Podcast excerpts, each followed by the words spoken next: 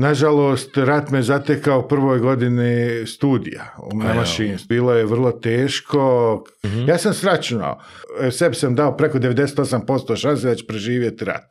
Rat dođe i napravi mnogo lošeg, ljudi se rasele po svijetu, ali u svakom zlu ima nešto dobro. Kada sam ja rekao babi da dajem otkaz na fakultet, ona rekla državni posao, ti si lud. Taj je bio trenutak kad Naval Ravikant je shvatio da mi radimo nešto vrlo interesantno i što je još jako lijepo bilo, pogotovo u početku Vasta, on je svima nama dao stock options. I to je bila prava ta Silicon Valley story. On je tu bio kao coach meni, znaš. I jedna od prvih e, prezentacija koju je napravio čitavu firmu je, on je rekao, najvrijednija stvar koju ćete ponijeti iz ovoga je naučit ćete kako da pravite svoje firme.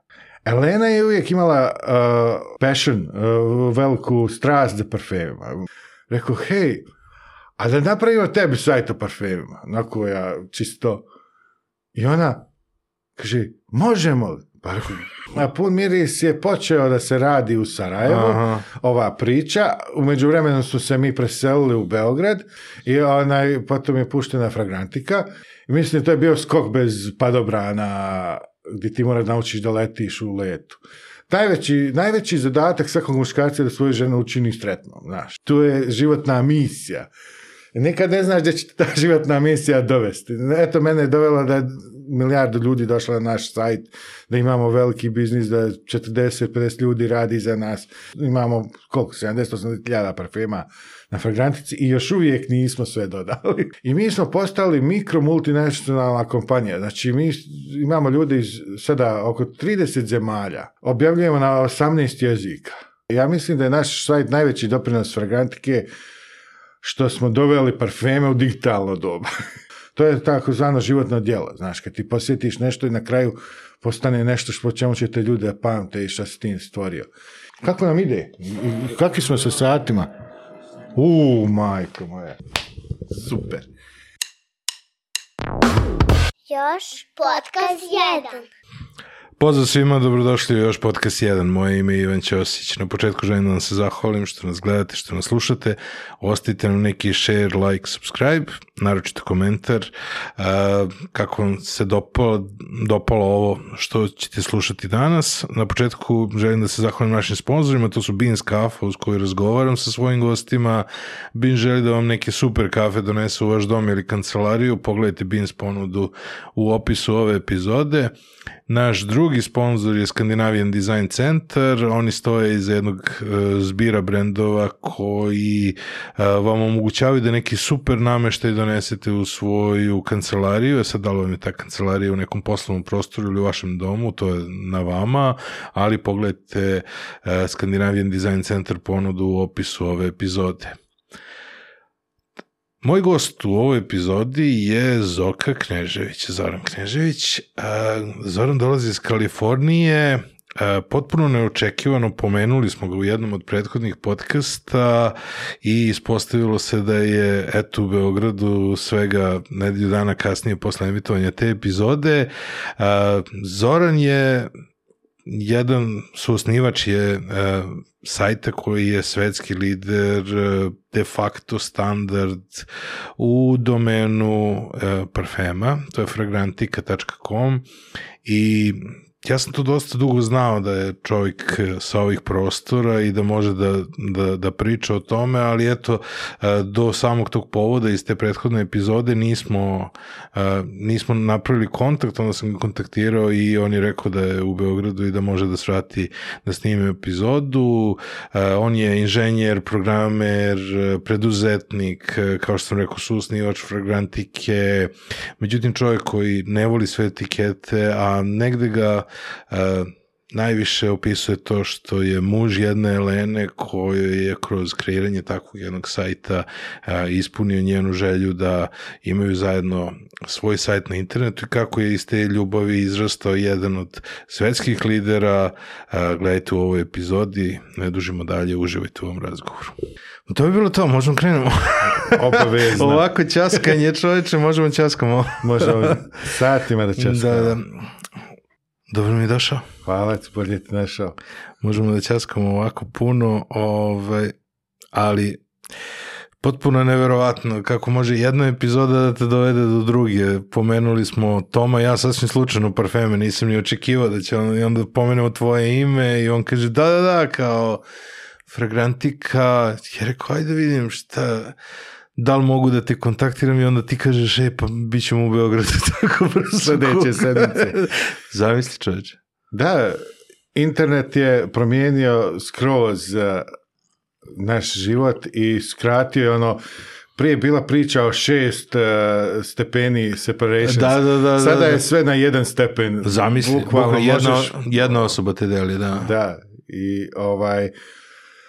A recimo, moj drug eh, Uh, Viktor Mihajlović ima tu, kako se zove, grupu na Facebooku i radi neki viralni marketing u parfemima. Mislim, konkurencija smo, ali smo drugari, znaš, veliki smo drugari. I on je Čovjek parfem. Čovjek parfem, da. I sa uh, Viktorom, uh, ja vjerujem da je Toma vidio i Viktora. Jeste, jeste, i, i, i oni su se međusobno isto dopisivali. Jesu li? E, nisam to znao. Da, odmah mu Viktor, ono, kao, javio mu se ovaj, kad je izašla epizoda, kao... Je. E, pa da, i meni ta ista epizoda dolazi preko Viktora. E, šta je ovo sa svi strana ljudi onaj, okružili sa Ivanom i tako. Ne, znao sam za tvoj podcast, lijep je, onaj, gledao sam e, nekoliko epizoda, jedna od prvih je Nebojše Radovića. Da, to mi je bila posljednja, ona na Zoomu, da. I ovaj... I naravno, pričali smo danas malo o ovim podcastu kao fenomenu. Ja sam bio jedan od prvih bosansko-hercegovačkih blogera, bio na televiziji, znači kao prvi bloger u Bosni, to je bilo smiješno. I ovaj, učestvovali smo kroz, odrastali smo s webom. Mhm. I ovaj, nisam puno javno se pokazivao, više sam eh, se fokusirao na naš posao i na naše ljude i kako da to fragrantiku našu da, onaj, izgradimo i ima jako puno toga, ali uvijek treba, kad si se javio da se dođe na podcast, pa onda sam, ono, znaš, Zašto da ne? Iako puno toga je urađeno za ovi par decenija, jer ja se, već pričamo o decenijama. Da, da, A ti imaš osjećaj si non stop u, u toj i, ono što se dešavalo 2008. i danas je ne, za jedan veliki dan. To a zapravo 15 godina. Da, a, a, tu su još neke stvari koje su nastave. I ja se isto nekada začudim kada updateujem neku skript koju sam radio pri 12 godina mm. da bi prilagodio za nešto što sada radi. Još uvijek služi. I jako je puno taj, toga izgrađeno na internetu i ovaj mediji se mijenjaju. Podcast je sada bio nezamisliv recimo 2006. da neko dva sata streamuje nešto kad su YouTube videa bili u prosjeku oko tri minute, četiri. Mm. I to je bilo mnogo i nisi mogao sa dial da postaviš na internet. To posebno. Da, ja se sjećam ono pre deseta godina kada treba neke fajlove da pošaljem klijentima, u jednom trenutku nisam nešto uspevao sa kabla i uzmem i ovaj, zovem drugara koji radi u jednoj od ovih telekomunikacijnih kompanija kaže on ajde samo ponesi laptop i ja kao pa šta ćemo da radimo, kao vidjet ćeš i odemo i sedemo na klupu napolje ispred kancelarije, razumeš, u dvorištu firme. I kaže, prekopirate. Pa evo ti, evo ti šifra za goste, kao, ja uđem u šifru za goste, i podignem celu pripremu za štampu, nešto bilo ogromno. pa ja sam isto stricu radio sajt i onda veliki su mu bili fajlovi, pošto on nije znao da snimi u JPG optimizovanoj verziji, nego recimo 5 MB je bilo mnogo. I kaže što da radimo? I ja pročitao neki članak kako su Izraelci postavili rekord u brzini prenosa transformacija u nekim terabajtima, a slali su podatke golubovima. Znači, ja sam tako napišem, rekao, pošalji po golu i pošalje članak taj naravno mi lakše je bilo poslati ovaj, autobusom USB, da. Ovaj, DVD, ono, da, i CD mi je poslao autobusom da bi prenijeli te podatke. A sada je ovaj, evo, 3, eh, g 5G ide. I Kako mislim, ne, I, evo, recimo, kući imam ovaj Starlink. Kupio sam. Ja sve živo što izađe novo, kupim prvo. Recimo, kad je Oculus izašao, odmah sam ga kupio. Dao sam ga djeci sedam dana se tukli oko njega i poslije su izgubili interes. I onda sam znao da Metaverse, kad je Mark Zuckerberg rekao, da će na kraju da završi katastrofalno jer to djeca ne prihvataju. Ali dobro, mislim, možda će se promijeniti, taj interfejs još uvijek nije zreo, mhm. ali doći način i tehnologija da i to bude jednog dana. Ali previše je rano. Ja mislim da je Mark tu malo izletio, ali nema veze ali ovaj, tako i parfemi. Parfemi su, ljudi su parfeme, nis, nisu imali jezik za komunikaciju tako razvijen prije 15-20 godina. Ja mislim da je naš sajt najveći doprinos fragantike što smo doveli parfeme u digitalno doba. A, digitalizovali ste parfeme. Da, i to je nešto što je u suštini da, da ne postoji moralo bi se izmisliti. Mhm. To je e, stvar koja jednostavno da nema fragrantike neko bi morao da je napravi. To su oni set godinove priče one, o plemenima, da ćeš ti u, zahvaljujući internetu veoma lako da pronađeš mrežu ljudi iz cijelog sveta koji vole iste stvari koje ti voliš i da možete pričati o tome zahvaljujući internetu. Da, i eto kažem, ja sam se suprugu upoznao preko ICQ, rekao mm, sam ti. To je došla porukica a, 2000. godine od neke studentice koja hoće da uči u bosanskom jeziku, mm to je i jekavskoj varijanti, pošto ona je studirala srpski i čula je za to i tako to. Ja sam mislio da je to neka zezancija od mojih drugara i I u šali sam je pozvao da dođe, znaš, jer nisam ja vjerovao da je to prava osoba uopšte, da je, ja sam mislio neki mi drugar zeza, znaš, kao da se pretvara se, da je ruskinja koja priča na našem i tako dalje. I Helena je došla, moja supruga, inače partner s kojim sam pokrenuo fragrantiku, došla u Sarajevo 2000-te i znači svijet prije 9-11, bilo je sasvim drugačije. I Internet je to tek polazio i ona je e, radila u par internet startupa u Rusiji, bila Torgru, mm Mail.ru i to su bile razne firmice koje su dobili su ljudi investicije, slično kao kopirali su zapad. Znači oni su vidjeli Yahoo, vidjeli su mhm. razne stvari koje se dižu AOL i tako dalje i onda su i oni isto htjeli da imaju svoje. I tako je ona došla tu i te firme nisu pravila neku veliku pare, ali se investiralo u taj internet infrastrukturu. A ja sam sam bio na mašinstvu. Po Aj mi daj tu, daj mi tvoj malo background pre Leninog dolaska. A, da, ja sam inače rodio se u Sarajevu i odrastao sam tamo. Nažalost, rat me zatekao prvoj godini studija na mašinstvu. Ja sam proveo rat u Sarajevu, okruženom gradu, bilo je vrlo teško, ekonomska, humanitarna kriza, kriza moralna, svaka kriza.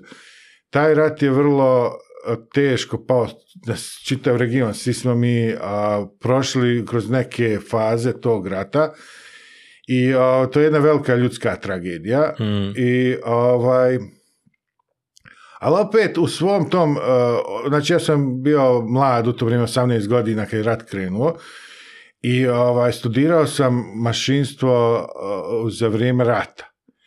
I Kako bilo je teško, ali svi fakulteti su otvoreni u smislu za sve. Recimo na veterinarskom fakultetu su svi fakulteti, na ovom, na onom, mašinski fakultet je bio prva linija fronta, tako da nismo tamo ni išli. Mm. Ali je, ovaj, ja sam recimo dolazio na veterinu i tamo bio profesor elektrotehnike za matematiku i on meni može potpisati i dati ispiti rok i sve to. I mi smo praktično samo edukovani. Ja sam četiri godine učio gdje god nađem knjige, recimo dođem sad kod tebe, ja bi prerovio ovo sve i ako nađem nešto što meni treba, ja bi to ono, uzeo i čitanje.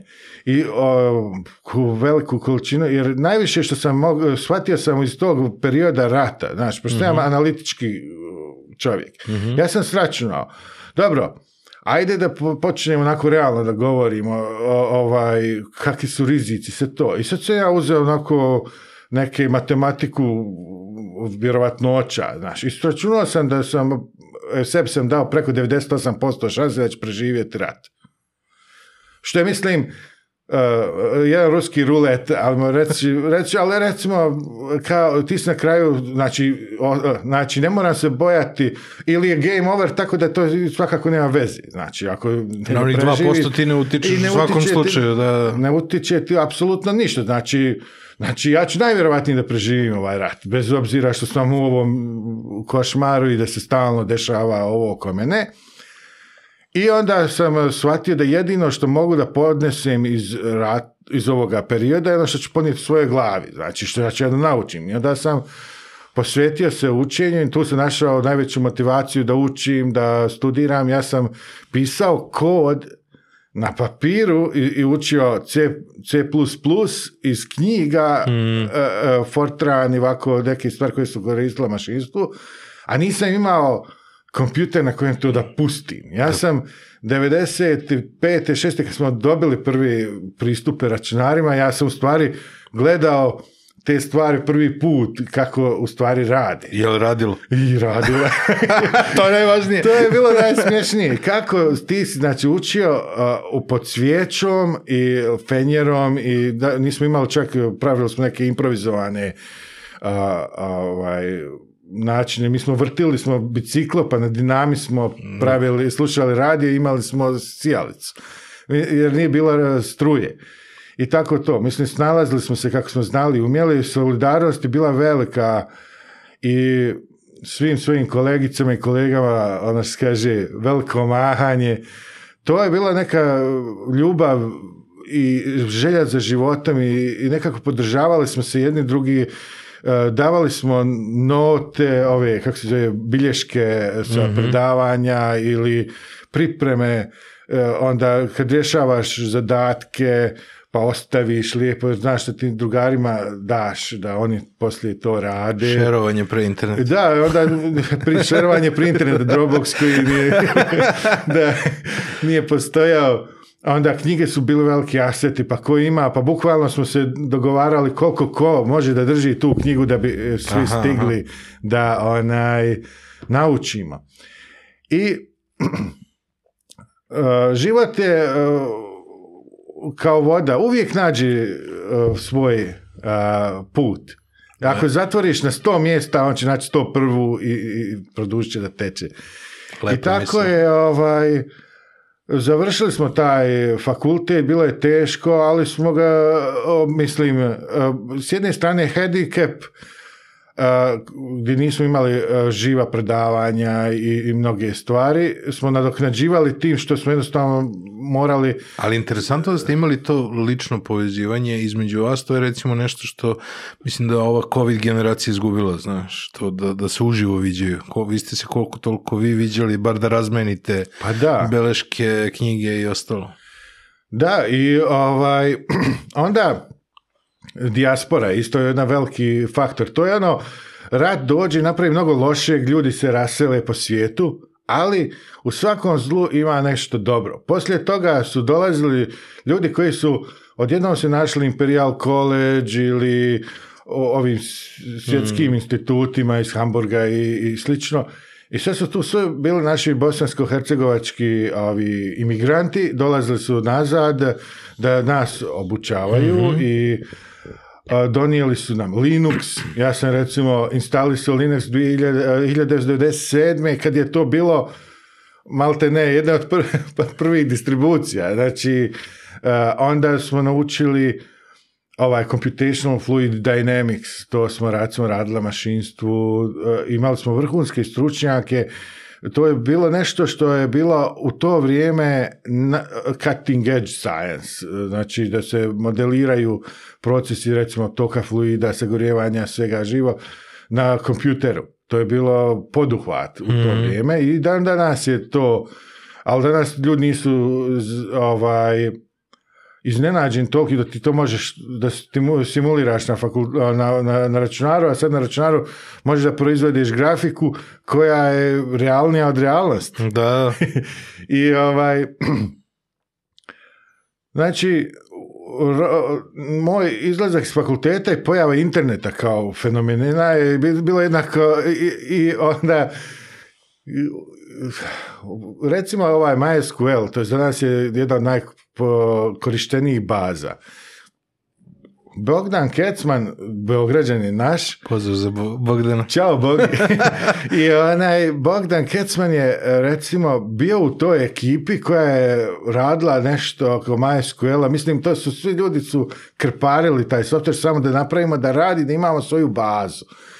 I to je isto bio community, isto PHP koji svi se smiju, znaš, kao takav ovakav jezik, malte ne, pogotovo iz Perli, I onaj, i to je pravljeno tako da i, i našim kontribucijama i radom i ovaj, tako da smo koristili stvari prije nego ikad iko, mislim kako je mm. internet nastajao, tako danas se zezam s djecom kada nešto govori, a kaže to je tata izmislio, znaš. Mhm. Jer tako i jeste. Mi smo, mi smo pravili internet, mi smo izmišljali stvari a, I eto, ja sam počeo priču kako sam upoznao Elenu i ona je tu se negdje pojavila oko 2000 u mom životu, prvo kao djevojka koja je tu mene posjećivala, dolazila iz Moskve povremeno, a poslije je došla da živi sa mnom pa smo se vjenčali i tako to.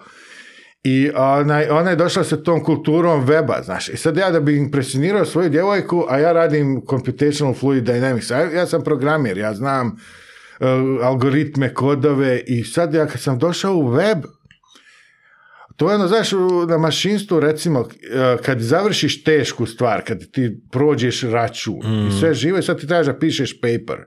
Znači, znači treba moraš da to predstaviš u dijagrame, tablice, mm. šeme i to je bilo u stvari, na zdravlje, to je bilo u stvari ovaj, e, e, prezentacija, takozvana, mm pisanje članka i to.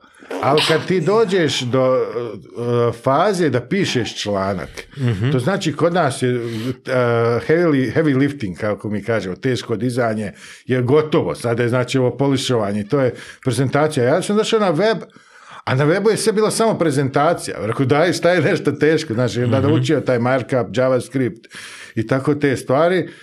I a, počeo, tad se pojavio taj freelancing i a, počneš da praviš... To je vreme foruma. Foruma. Zlatno doba foruma. Zlatna doba foruma, pa da webmastera, da, tako zvani, gde si ti koji, čovjek koji znaš HTML i napraviš sajt, staviš slikice tamo, FTP, sve znaš, mm. bio, odrastao si to. I ovaj, ja sam isto bio član svih mogućih i bosansko-hercegovačkih i srpskih i hrvatskih, mislim sve ove regije naše, uh, srpsko-hrvatskog područja i nas nije nikad ni dijelilo ništa, uh, u našu zajednicu, ni gamersku, ni uh, programersku, ni dizajnersku, mislim svi smo um, bili uvijek e, koliko su, Koliko su ratovi podelili, toliko internet pomirio. Da, i to je jedna... Do Twitter. Pa dobro. Posle krenula svađa ponovo. pa ne znam, nisam baš... E, to je sve u krugom oko se... Ali šalis, da. Ja kažem... E to je jedna od stvari koja je u stvari jako bitna i mi kako smo e, gradili naš community na mhm. Fragrantici, poslije ću malo više o tome, ali sam shvatio da je politika jedna od vrlo eh, kontraverznih tema. I eh, imali smo situacije vrlo rano gdje su ljudi se počeli da kače na političkim osnovama i onda sam Uh, to ne čak i u hrvatskom, na, na engleskom čak, i na sajtu Parfemiju. Da, ali to, to je recimo neko se iskaže za neko što, a ovaj drugi to ne voli, a poslije toga počinje da ide za njim, zeza ga na sve druge teme, znaš, pošto se razvoje takozvana netrpeljivost mm. među mm. njih. I onda sam ja shvatio da obično takve političke teme stvaraju netrpeljivost među članovima, gdje se oni počinju lično da mrze zato što ovaj ima hmm. jednu političku orijentaciju, ovaj drugu. I mi smo zabranili e, političke, e, kao to je bilo nepisano pravilo, zabranili smo političke diskusije na sajtu. E, rekao, internet je dosta veliko mjesto, Znači, ne dozvoljava političko agitovanje, ne dozvoljava... Nađite drugu kafanu. Nađite drugu kafanu, upravo tako. I to je jedna od najboljih odluka koju smo napravili, napravili smo je dosta rano i ljudi je čuvaju i, i onaj, postale dio kulture. Ja malo mhm. kad treba da dođem i kažem ljudima i ako se neko zaleti od novih članova, izleti, onda ovi drugi pošalju privatne poruke i kažu, ej, nemoj, nemoj to da mi ovdje ne pričamo, znaš, ono, ipak nemoj, znaš, kao ovo je samo parfum mm. mi volimo da držimo to clean. I ovaj, tako da, to je jedna od velikih stvari oko ove zajednice i mislim da te komune oko nekog E, teme su dobre platforme za e, saradnju ljudi i ovaj, internet je zato idealan. Pa kako ne? Šta se dešava od, od venčanja do, do, do, Da. parfemi su o, odnosno, uvijek tu. Do punog mirisa. Pun miris je zapravo ja, pre Ali, ok, do sajta o parfemima. Ajde, ajde tako da ih zovemo. A, e, dobro. Mislim, za gledalci koji hoće da nauče o fragrantici, budite strpljivi, doći od, doćemo do toga. Važno je kako, ja razumijem e, da želiš e, da pokažeš u stvari da je fragrantika produkt e, mnogo takozvanih serendipity. Kako se to prevedi na srpski jezik? Uf, teško, ali... Ali je to je nešto kao, ima element slučajnosti, mm, Definitivno. I, ima element kada se nešto i, korisnost. Mm. Korisno i slučajno kad se spoji skupa, e, to je kao serendipity, tako bi ja nekako ga definisao. I ovaj, zato riječ, i jezik je inače kao magija. I zato ja i govorim o, tvoj Toma je pričao, ljudi pričaju parfemima, stvaranju tog jezika. E, sada da se vratim na ovu temu što me pitaš o, kako smo došli do otle Znači, ja sam prvo ušao u web da bi impresionirao moju djevojku u to vrijeme i ovaj, da napravim neke sajtove za nju i, i onda kao radio sam na fakultetu, završio sam mašinstvo i počeo sam da predajem e, kao asistent na katedri za vozila. I to je bio divan e, period e, života i sam ja praktično učio svoje kolege jer sam ja diplomirao malo prije njih i ovaj, njih sam prvo izveo, pa poslije toga je došla nova generacija ljudi koje ja nikad nisam znao, mislim, hmm. neki novi klinci, jel? I onda sam njima učio sam ih e, i iskreno volio sam ih sve. I sve što sam radio sam radio isključivo iz ljubavi, i, zato što volim to. I na fakultetu je bilo jedno jako udobno mjesto. Hmm. Jer E, imaš mnogo vremena za obrazovanje. I ljudi se stimulišu da se obrazuju. sada mi smo radili s jedne strane naše neke magistarske radove i ovaj naučno-istraživački rad e, na fakultetu, mhm. a ostavljalo je jako mnogo vremena za ostale stvari. I plus što imaš 8 sati slobodno A, ovaj, e, to je opet popunjavao internet. I sada uvijek sam s Lenom e, gledao sam da je uključim u, ono što ja radim, barem da je negdje tu, da, pogotovo što ona ne dolazi sa svim svojim prijateljicama, e, prijateljima je ona je mhm. on, napustila Mosku, ja sam bio čitav svijet za početak za nju, znaš, znači i drug, i drugarica kad se treba isplakati i, i, i, sve, mislim, to je velika velika uloga koju sam jednostavno dobio s tim što je strankinja došla u moj grad i mi smo se uzeli i sad ona tek počela da stvara socijalne konekcije i sve to, ali ona, sa njom provodim jako mnogo vremena i onda E, uključujem je u to što ja radim, da ona barem je u toku, znači ne, ne mrzi što ja sjedim za kompjuterom, e, nego, znaš, ako ništa barem...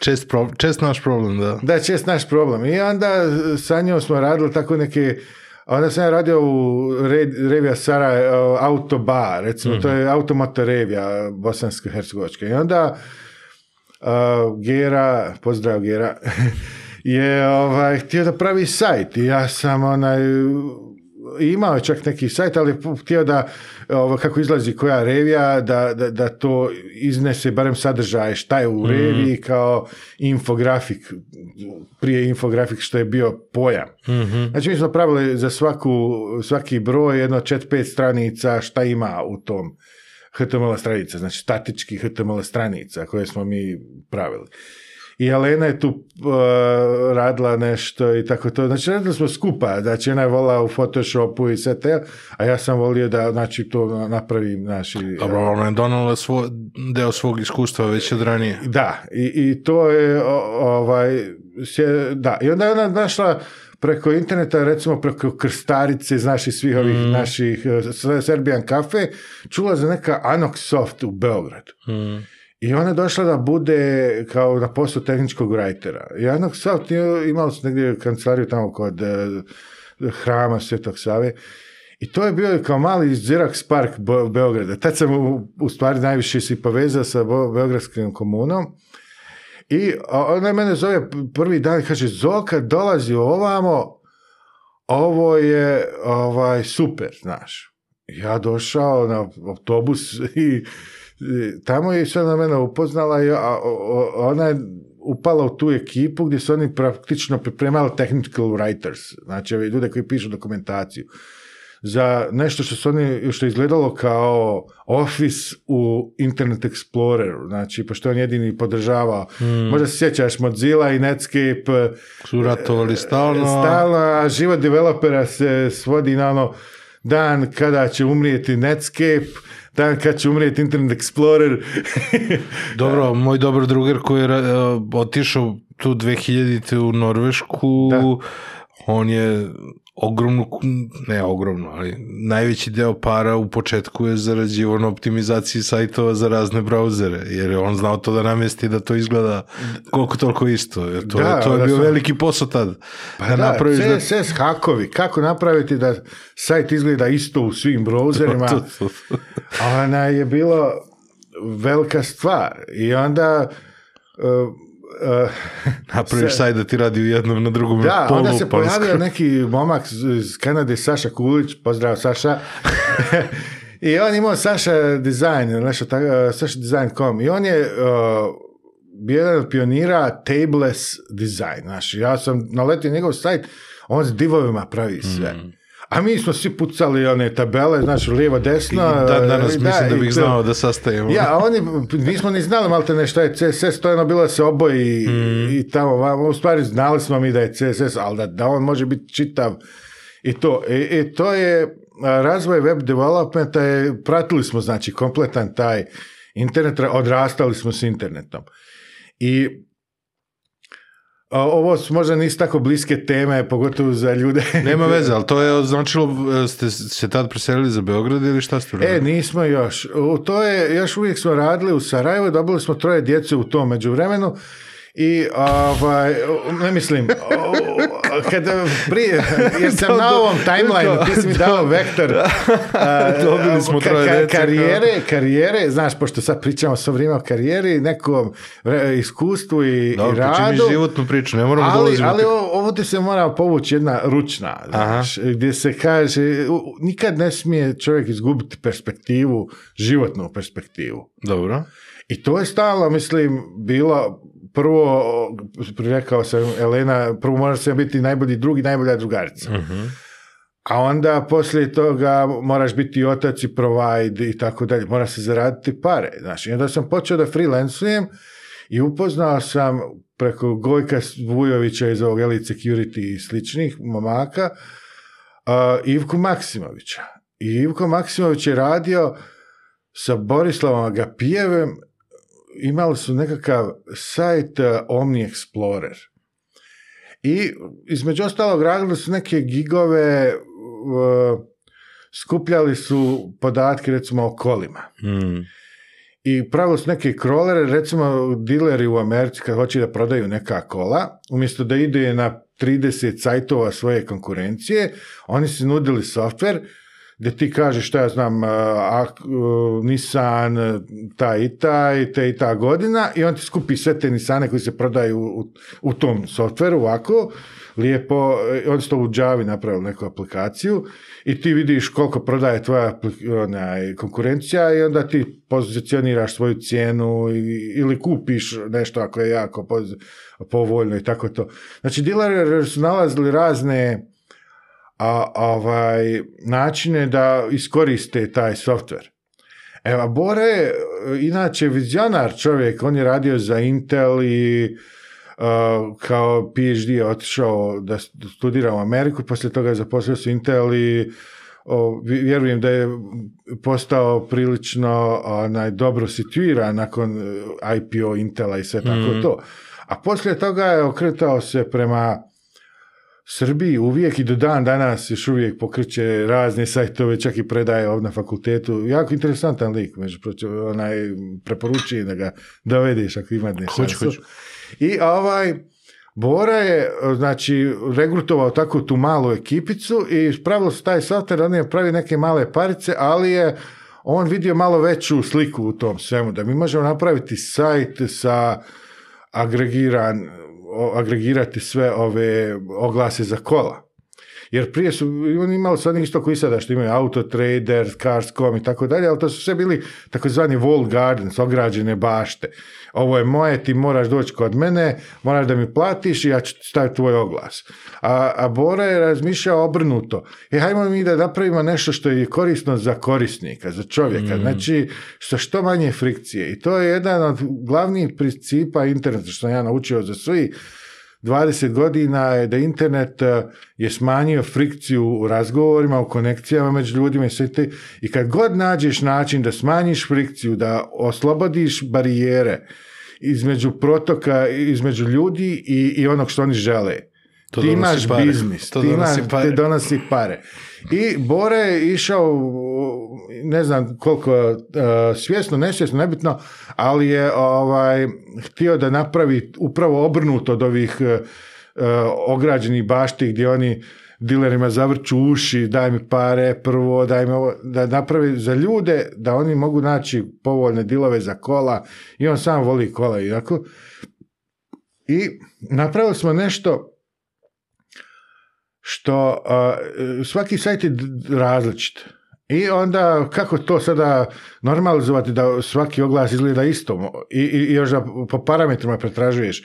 Hoćeš od toliko do toliko milja, hoćeš od toliko do toliko para, to i to godište i sve te razne varijante.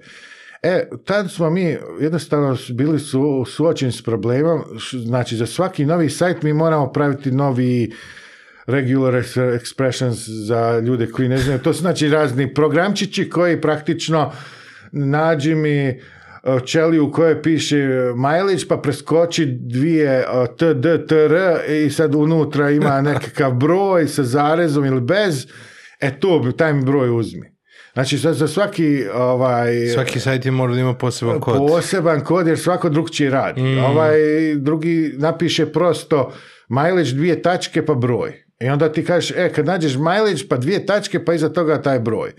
E onda, pošto to parterni se stalno ponavljaju, mi smo e, napravili nekakav univerzalni tool koji radi na bilo čemu. Znači, dadi mu e-mail na kojem piše oglas, ja hoćete te prodam kola, imam tako, tako, i ovaj bi izvukao iz tog e-maila kako i uopšte, znači, nikakve strukture nema. Mm. To je nešto preteča ovoga machine learning, eh, big data i svih tih eh, eh, stvari koje su došle poslije. Je to ono što kasnije se zvalo kategorijski vertikalno pretraga oglasa? Da, e to, su, to smo mi napravili, pošto je E, Bora počeo da, e, znaš, pošto ne, ne možeš stalo sve iz svojih e, džepa da, a i mm. tad je bilo VC kapital jako lukrativno, ono, znaš, interesantno. I on je predložio da tražimo financiranje za ovaj projekt što mi radimo, tako. I da mhm. smo mi napravili neki demo sajt, ja sam upao upravo u priču kada je trebalo napraviti demo sajt. Poslije mhm. našeg autobaj Pungas kao čovjek koji radi na Balkanu sajtove o autima, oni su našli mene i ja sam upao u tu ekipu. I u toj ekipi sam uh, ostao 4-5 godina. Uh, znači, vas, ja sam se vas probrušio od 2004. do 2008. Znači, 4 godine. Koji si ti tamo čovjek? Broj 4 Broj 4. Jeste, na onome certifikatu za stok. Ima, ja sam bio broj 4 čovjek koji je dobio na stok. E, vlast je vjerovatno poznat ovoj ekipi ovdje. Zavisi, znači neki ljudi su ono u fazonu vast, svaka čast, to je bio početak velikog IT-a, da kažemo, u Srbiji, a, a gomila ljudi nije nikad čula za vast. Znači, bukvalno je pola-pola. Pa da. Meni je bio velika inspiracija pre pravljenja konferencije, što je 2011. 12. 13. Ove, dok nije došlo do konferencije, jer sam, meni je vas bio inspiracija u smislu koliko ljudi iz Beograda rade za globalno tržište, rade neke poslove, primaju stranu platu realno u Beogradu i rade po, stranim standardima, a rade ozbiljnu priču. E to je, ja bi da malo elaboriram taj, kako je vas inače završio u Srbiji pošto on je po svim e, vektorima treba da bude Silicon Valley startup e, i outsourcing najvjerovatnije ili u Indiji ili negdje drugo. Pošto je to bio maltene standardni pattern e, ponašanja. Mm. Ali evo, Bora je počeo sa nama da radi i je počeo da traži VC kapital. I jednu od prezentacija je bio ovaj Rajev Matvani, do Tedu Venture Partners, to je bio, bio dekan Stanforda i to. I on je vidio, e, ali u toj priči se bio navali, u stvari bio glavni lik koji organizuje za tog velikog baju, jel? Mhm. I sad Naval je prvo imao nekog intervjua sa Borom i onda je on vidio da ovaj vertical search, to je takozvani vertical search, Eh, znači pretraga po nekoj vertikali, ali je jako dobra pretraga. Znači Google ne možeš konkurirati mhm. to, pošto on može samo da da ime sajta pa ti idi tamo. Ali da konkretno ti nađeš auto koji tebe odgovara, e to je bilo eh, zadatak mhm. vertical search. I onda je on rekao, ali to ima i auti, imaju real estate, imaju poslovi, to su sve te razne vertikale. I on je spomenuo poslove i Bora došao i rekao meni Ivku i ovaj, ili ovi mako neki ljudi koji su radili tu i kao trebamo eh, jobs. I šta smo mi shvatili, rekao ima ona Wikipedia, ti i onaj Dimoz eh, direktori mm Ajmo rekao skinuti čitav Dimoz, pošto je to obična, napravit ćemo crawler napravit će kolor, on tamo ima nekoliko miliona sajtova linkova. Znam. I onaj, skinut ćemo naslovnu stranicu Dobro. i onda ćemo na naslovnoj stranici tražiti jobs, career, all these ovi linkovi, mm. ime ili u footer ili tamo vamo. Napravit ćemo vo, navođeni crawler. Ili ćemo napraviti kao, ako ga nije na naslovnoj, otićemo na About Us ili tako nešto, Contact Us i tako te stranice i opet ćemo tražiti za jobs, link, eh, link za jobs. I ako nađemo link za jobs, povući ćemo tu stranicu i skinut ćemo je, to je znači jobs. I onda, eh, kao to, to je priča možda počela u petak, a mi smo, eh, već pravimo kroler, već, i, kao prva ideja je bila hajmo da, da fatamo te strance.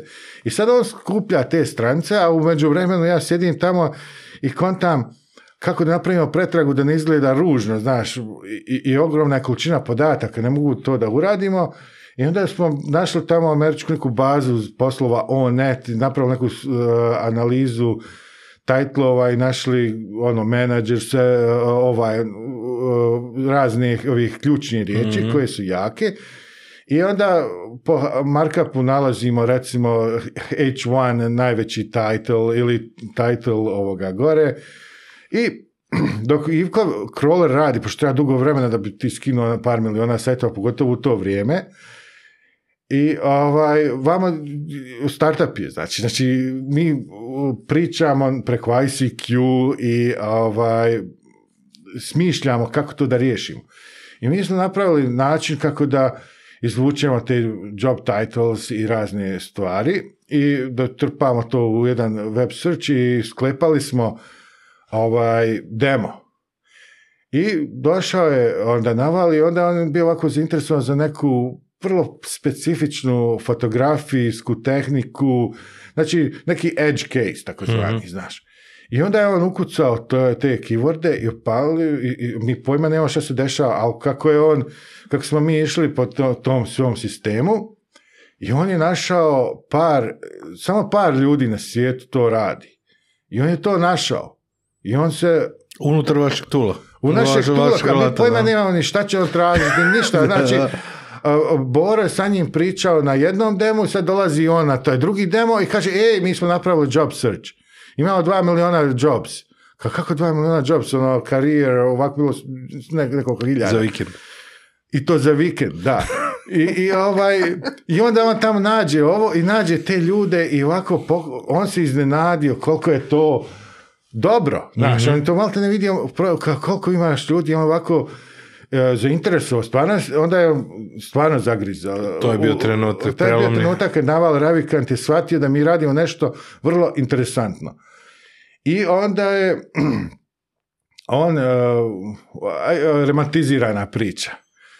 Ja ću da dam otkazu dot edu venture partners, ja ću da dignem venture capital i mi ćemo da napravimo kao firmu koja će da konkuriše tipa Google, znaš, to je znači romantizirana priča Znači, naval je... ili pojednostavljeno? Pojednostavljeno. Dobro, to nikad nije se desilo u tom smislu, ali u suštini desilo se to da je naval odlučio da se pridruži našoj firmi, da digne, on je tad e, organizovao prvu rundu i tad smo mi naučili na 5 milijuna dolara je on digao na osnovu njegove reputacije.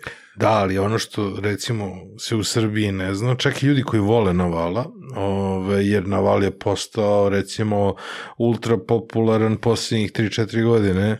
Da, dakle, a, je... znaš, ali kao 12-13 godina ranije Naval je, jedan vlasnik firme, praktično ono, partner u firmi koja je najvećim djelom u Srbiji. Da, ali on prije toga je prodao firmu za 700 miliona dolara ovaj Opinions Shopping.com mm. eBayu. To je, e, ali u vrijeme 2000, možda druga, treća, ne znam kad je to se desila, ta transakcija i 700 milijuna to je bilo nešto nenormalno puno. Poslije toga se pojavilo nešto MySpace prodan za koliko milijarde ili dvije. Tako, nešto. I to je nama bilo wow, a poslije toga YouTube 4 milijarde. I mi smo počeli da Uh, ono što kaže, da, rastu, dodajete nule. Da, da rastu apetiti. I sad dolazi, uh, znači, Naval, on je obezbijedio to financiranje, prvu rundu i sad uh, zna ovo, ovaj mali tim koji je napravio taj job search i on je impresioniran bio s tim što smo mi uradili, ali to je bio hak. To je bio hak i on je poslije toga shvatio da je to hak i da je to u suštini, ali, ali tako se rade. Mislim, ako hoćeš da riješiš neki problem, i znaš onu pjesmu od Karla Sagana, hoćeš napraviš pitu od nule, prvo moraš da izmisliš univerzum veliki bang, da, da prve galaksije, pa će one da stvore atome, pa će oni da se te galaksije raspadnu, pa će nove galaksije da dođu, pa, pa će da bude zemlja, pa 5 milijardi godina evolucije. Do pite. E, do mislim, do pite, da bi da napravi na kraju pitu. Od, od nule. Znači, to je drugi onaj, pristup. Ali ima isto pristup, ovaj, znači, napraviš pitu. Uzmiješ na napraviš pitu. Tako da, smo i mi u je u to vrijeme i bio je dosta ispred ova ideja Vastova je bila dosta ispred svog vremena. I tu smo pravili dosta ove interesantne E, e sad, kako smo doveli e, Vast u Srbiju? To je još jedna velika bitna stvar, pošto Naval je sada pustio svoj reputation, sve to, da napravi kompaniju koja to radi.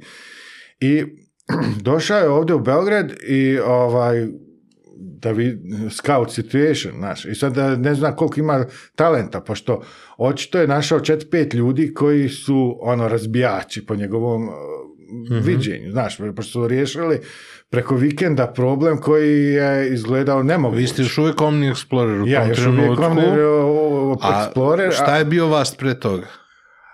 pošto je on tražio ime, da, pošto Omni Explorer nije tako brandable ime i dva su znači, slova. Znači, Vast nije bio neka firma velika, pa nije da je, ništa, aha, ne, Vast je, on je kupio domen Vast, Reku, čisto zato što da ne je bila na aukciji, njemu se svidio. Čisto da ne bude zbun da, da je doveden da. Vast u Srbiju. A ne, on, je, on je doveden u smislu, a, e, ovako, praktično kad je Naval preuzeo kontrolu, on je postao jednostavno Bore i dalje bio u firmi i bio veliki vlasnik dosta stoka i sve tako dalje. To, ali, ali više on nije glavni gazda i, i sve. Znači, mhm. nije znači, dominantna osoba. I sad ti to postaje prava kompanija koja ima board, taj board. E, e ti, recimo 5 miliona, ne može, to nije do, do, dobili pare, sve smo mi mogu kupiti Ferrarije i razbježati se. Znači, ne. Nego je, praktično kad ti vajer mani nekome, on, on, on, to može da uradi. Znači, mm. ali pazi, ti dobiješ nekakav nadzorni odbor e, gdje su ljudi iz američkog biznisa i vrlo ozbiljni ljudi. Oni su imaju onaj, svoju reputaciju vezanu za to i naravno nadzorni odbor ima i krivičnu odgovornost. Treba da gleda šta firma radi, ako firma radi nešto što nije u redu, oni su ti koji moraju da, da, da, reaguju a i taj nadzorni odbor treba da, i, i vrlo često se desi, dobije se 5 miliona, mi potrošimo pola miliona, nešto radimo i na kraju smisli vidimo da neće od ovog nikad ništa biti biznis, to se vrlo često desi i onda board se sazove i ovaj glavni das obično to je CEO, on kaže što ovo smo pokušali, tražili smo tržište i, ništa. I na kraju se pare vrate ovima. Pa izgubili su pola miliona ili nebitno milion, koliko god. Ali sve ono, znači likvidira se kompanija i gotovo, idemo dalje. Ovi vc dobiju nešto i, i preko 90% njihovih investicija ili propadne skroz ili se dismentluje u hodu. Ali mora da bude transparentno. Da. I tako je on došao kod nas i vidio da ima talenta. Mi smo bili skuplji po našim platama i to nego Indusi i, i razni drugi ovaj, gdje su konkurencija naša glavna bila. I vrlo lako je vas mogao da završi jednim dijelom u Indiji, jednim dijelom u Sindilikonskoj mm. dolini. A što je navali tu, tu smo našli ovaj e, način da u suštini u, to vrijeme Zoran Đinđić je predsjednik ili je prije toga napravio tu sistem gdje ti jednostavno za jedan dan da otvoriš firmu, da registruješ mhm. agenciju i da počneš da radiš.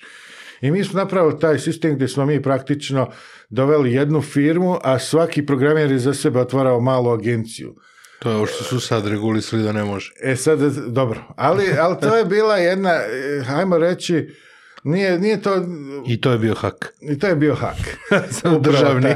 nije, nije, mislim, nije, nije, nije niko oštećen, pošto nema oštećene strane, znaš, znači, kroz taj način ljudi su dobili poslove Pare su došle u Srbiju. To je u tom trenutku bio hak, a posle toga su firme koje su na belo zapoštavale programere, smatrale da su one oštećene, e, pa- jer oni plaćaju mnogo veće doprinose, ove, ovaj, ali to je, ako odemo u tu tangentu, da, a to, je, to je bio hak koji je radio i koji je razvio gomilu firmi, naročito malih firmi do nekog tima od 10-15 ljudi, kad oni mogu da se, da naprave DO i da priušte da plate doprinose za sve, a ta varijanta sa tim malim firmama, paušalima ove je bila sjajna, ali je bio hak, ali sve te velike firme kad su došle, kad su želele veliku količinu programera i kada su oni plaćali programere na belo, onda je bio ogroman problem što oni nisu želeli... Da, oni su u stvari replikovali taj naš model. Uh, Svi su replikovali taj da. model. Da, pošto je poslije uh, došla ta, uh, kako se zove, a, programeri su, pošto oni mijenjaju firme i tako dalje, tako da je ta informacija počela da... Da. Ali u, u prvom momentu mi smo, onda je on je procijenio da e, ima dosta dobrog talenta i da to može biti u nekom prihvatljivim e, ovim novcu mhm. kao koji ima smisla za outsourcing sve tako dalje i što je jako volio je naš naš E, spirit, naš način kako mi radimo, kako razmišljamo. Mi e, preuzimamo odgovornost. Nismo e, ljudi koji će da radi na sat. Mm. Recimo, ja, ja, ja, ću se radije posvađati sa celom i reći mu da to tako ne može da radi, da se i, i usprotivit ću se njemu. I, neću šutiti i, i ide, baš me briga, mi plaća mi platu. Znači, nego, i meni je bilo važnije da uspije to što mi radimo, mhm. nego eh, da ja dobijam eh, platu svaki mjesec. I, I što je još jako lijepo bilo, pogotovo u početku Vasta, on je svima nama dao stock options. I mi smo učili šta je stock, znaš, mm. ti dobiješ udio u startupu i tako dalje. I to je bila prava ta Silicon Valley story, ono, gdje se... A dešava se u Beogradu. A dešava se u Beogradu i mi sad dobivamo neki stok i opcije i sve to, mi, mi nemamo pojma, ali, ali znamo da radimo nešto konkretno.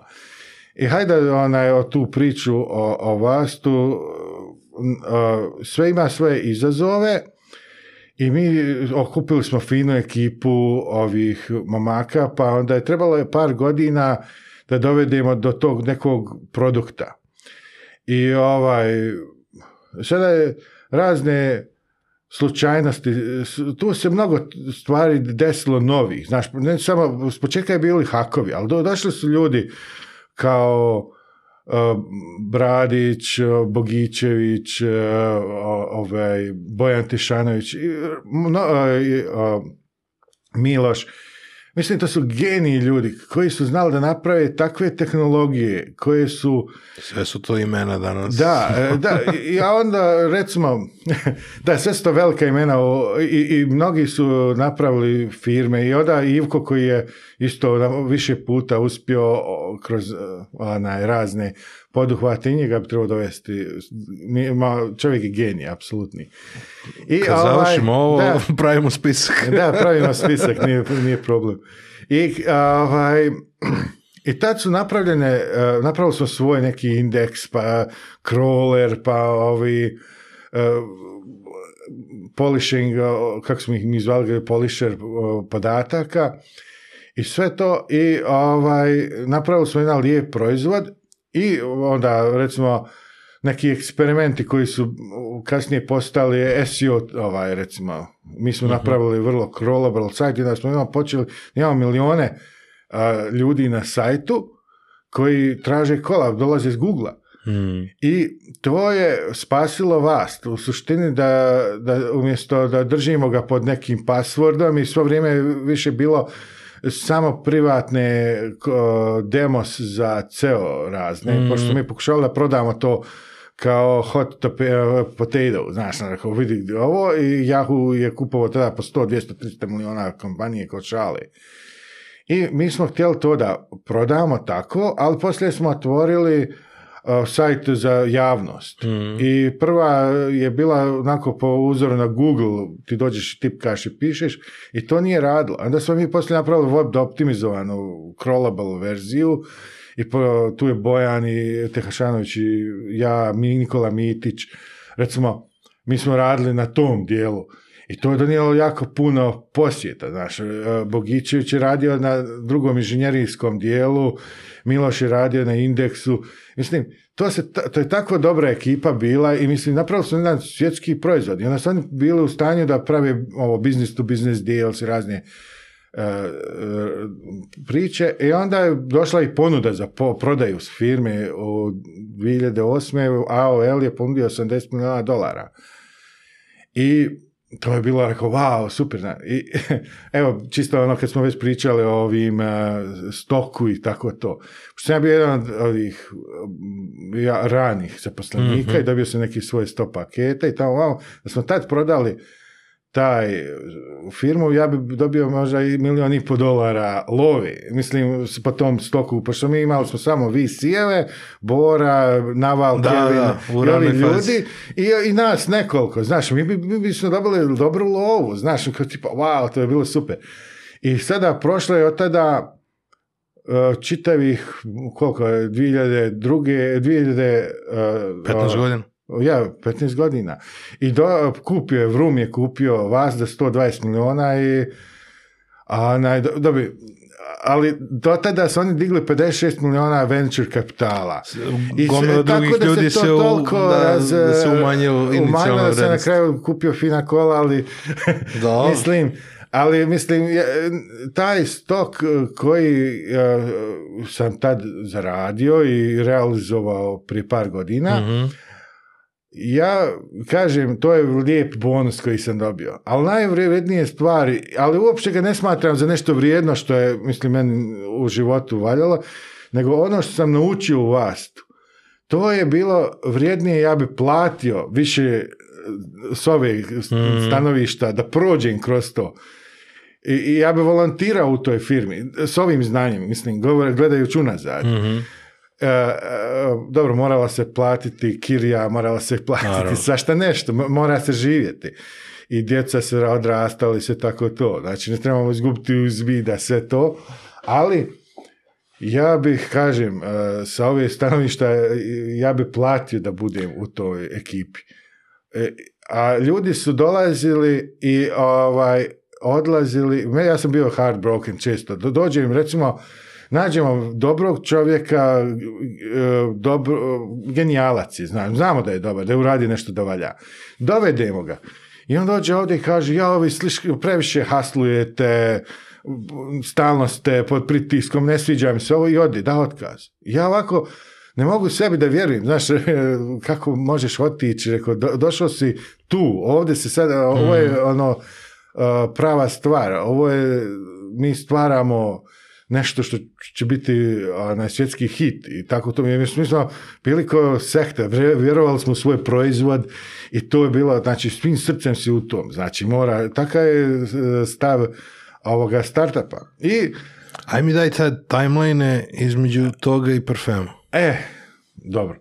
Elena je sada tu stalno sa nama i ja sam e, Uh, imali smo taj pun gas, to je zajednica uh, parfem, ovoga, automoto entuzijasta. Znači, to je bio jako dinamičan website sa Edisom Ješarevićem, čao edse I on još uvijek samo, on je prešao poslije na naš Fragantiku uh, fragrantiku.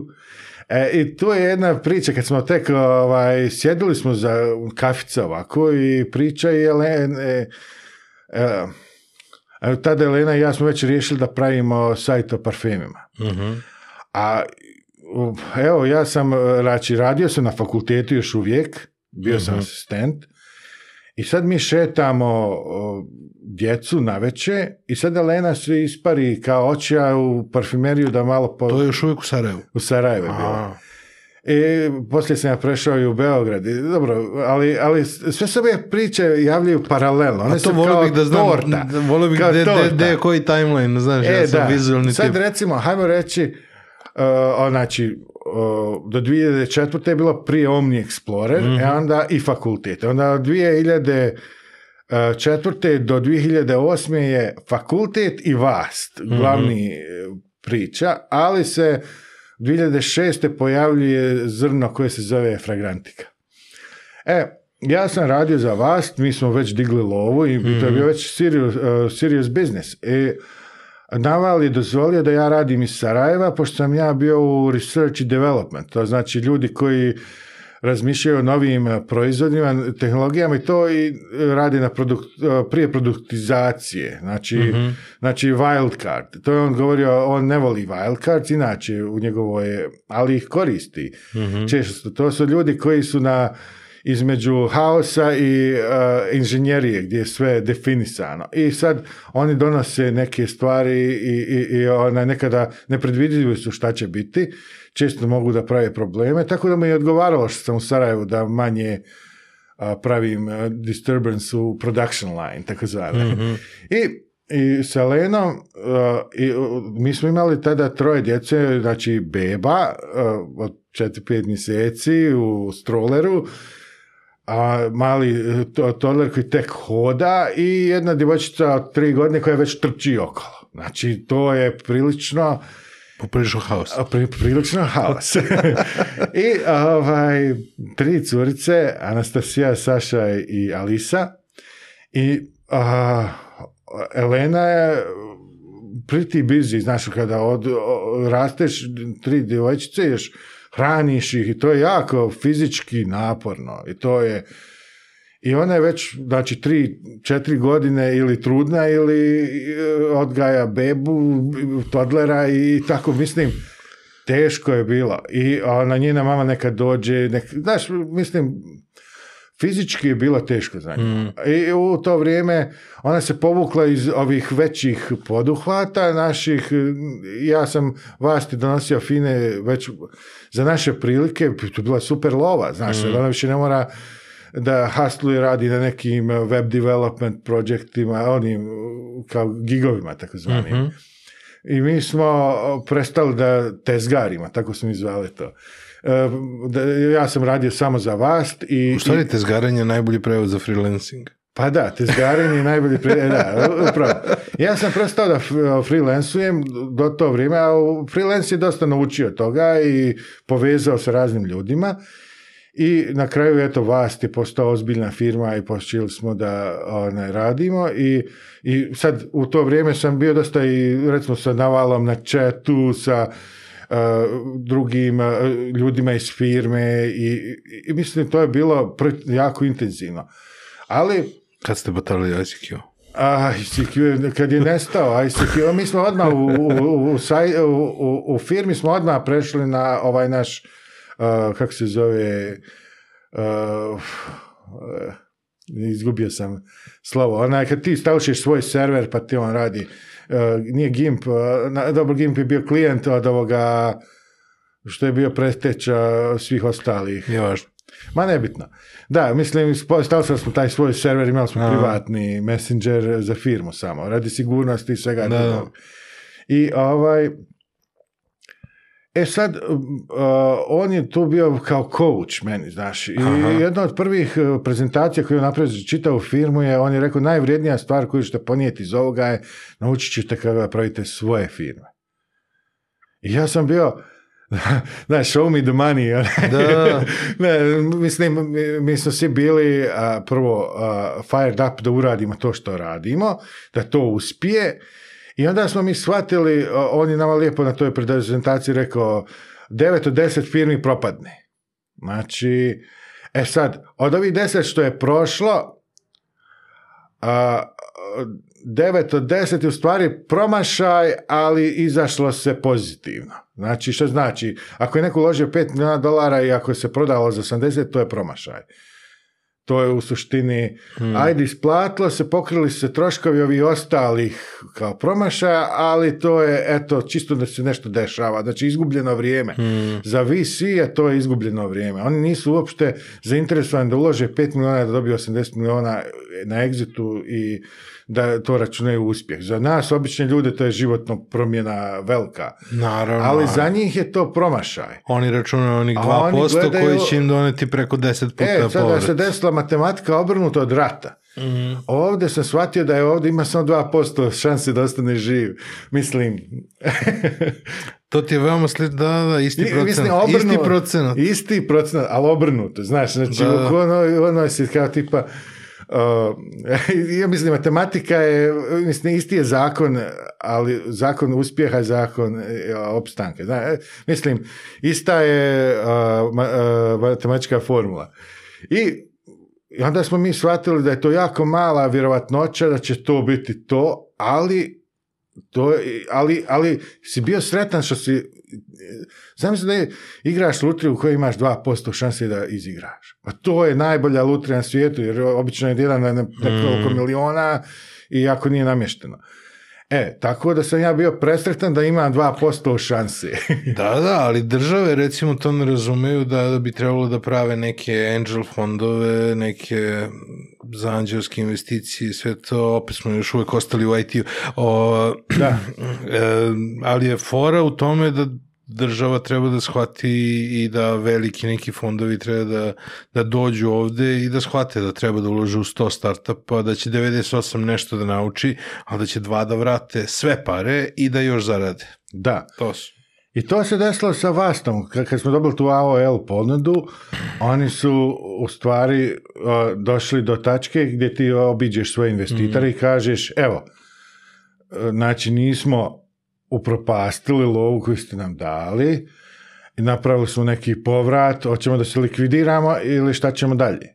I onda se, kako oni to kažu, throw the hat, mhm. i onda u šešir se baci sada, jeli pratiš? Znaš, i sada oni su odlučili da prati, znaš, oni su uložili, ne znam koliko, 20 miliona, ja mislim, u drugoj rundi, ne znam, mislim... To tebe, znači, obezbeđuje u svakom slučaju da, da, sa poslom i sa svim. Da ti rasteš taj biznis i mm. razvijaš i da ideš na, na milijardu, sada je sljedeća uh, e, stepenca da se ide do unikorna. Znači, mm. unikorn je, znači, kad dođeš u, u situaciju da uh, trčiš za unikornom, e, a, a e, parfemski sajt i, ja sam počeo tu priču o Eleni i djeci i, tom stroleru i sve to. Mhm.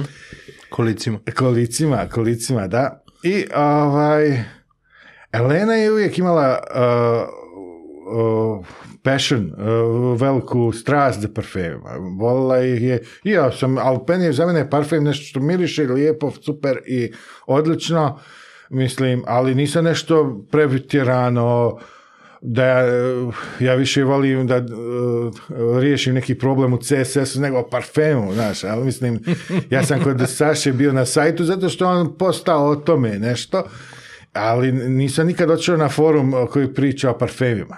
Nikad.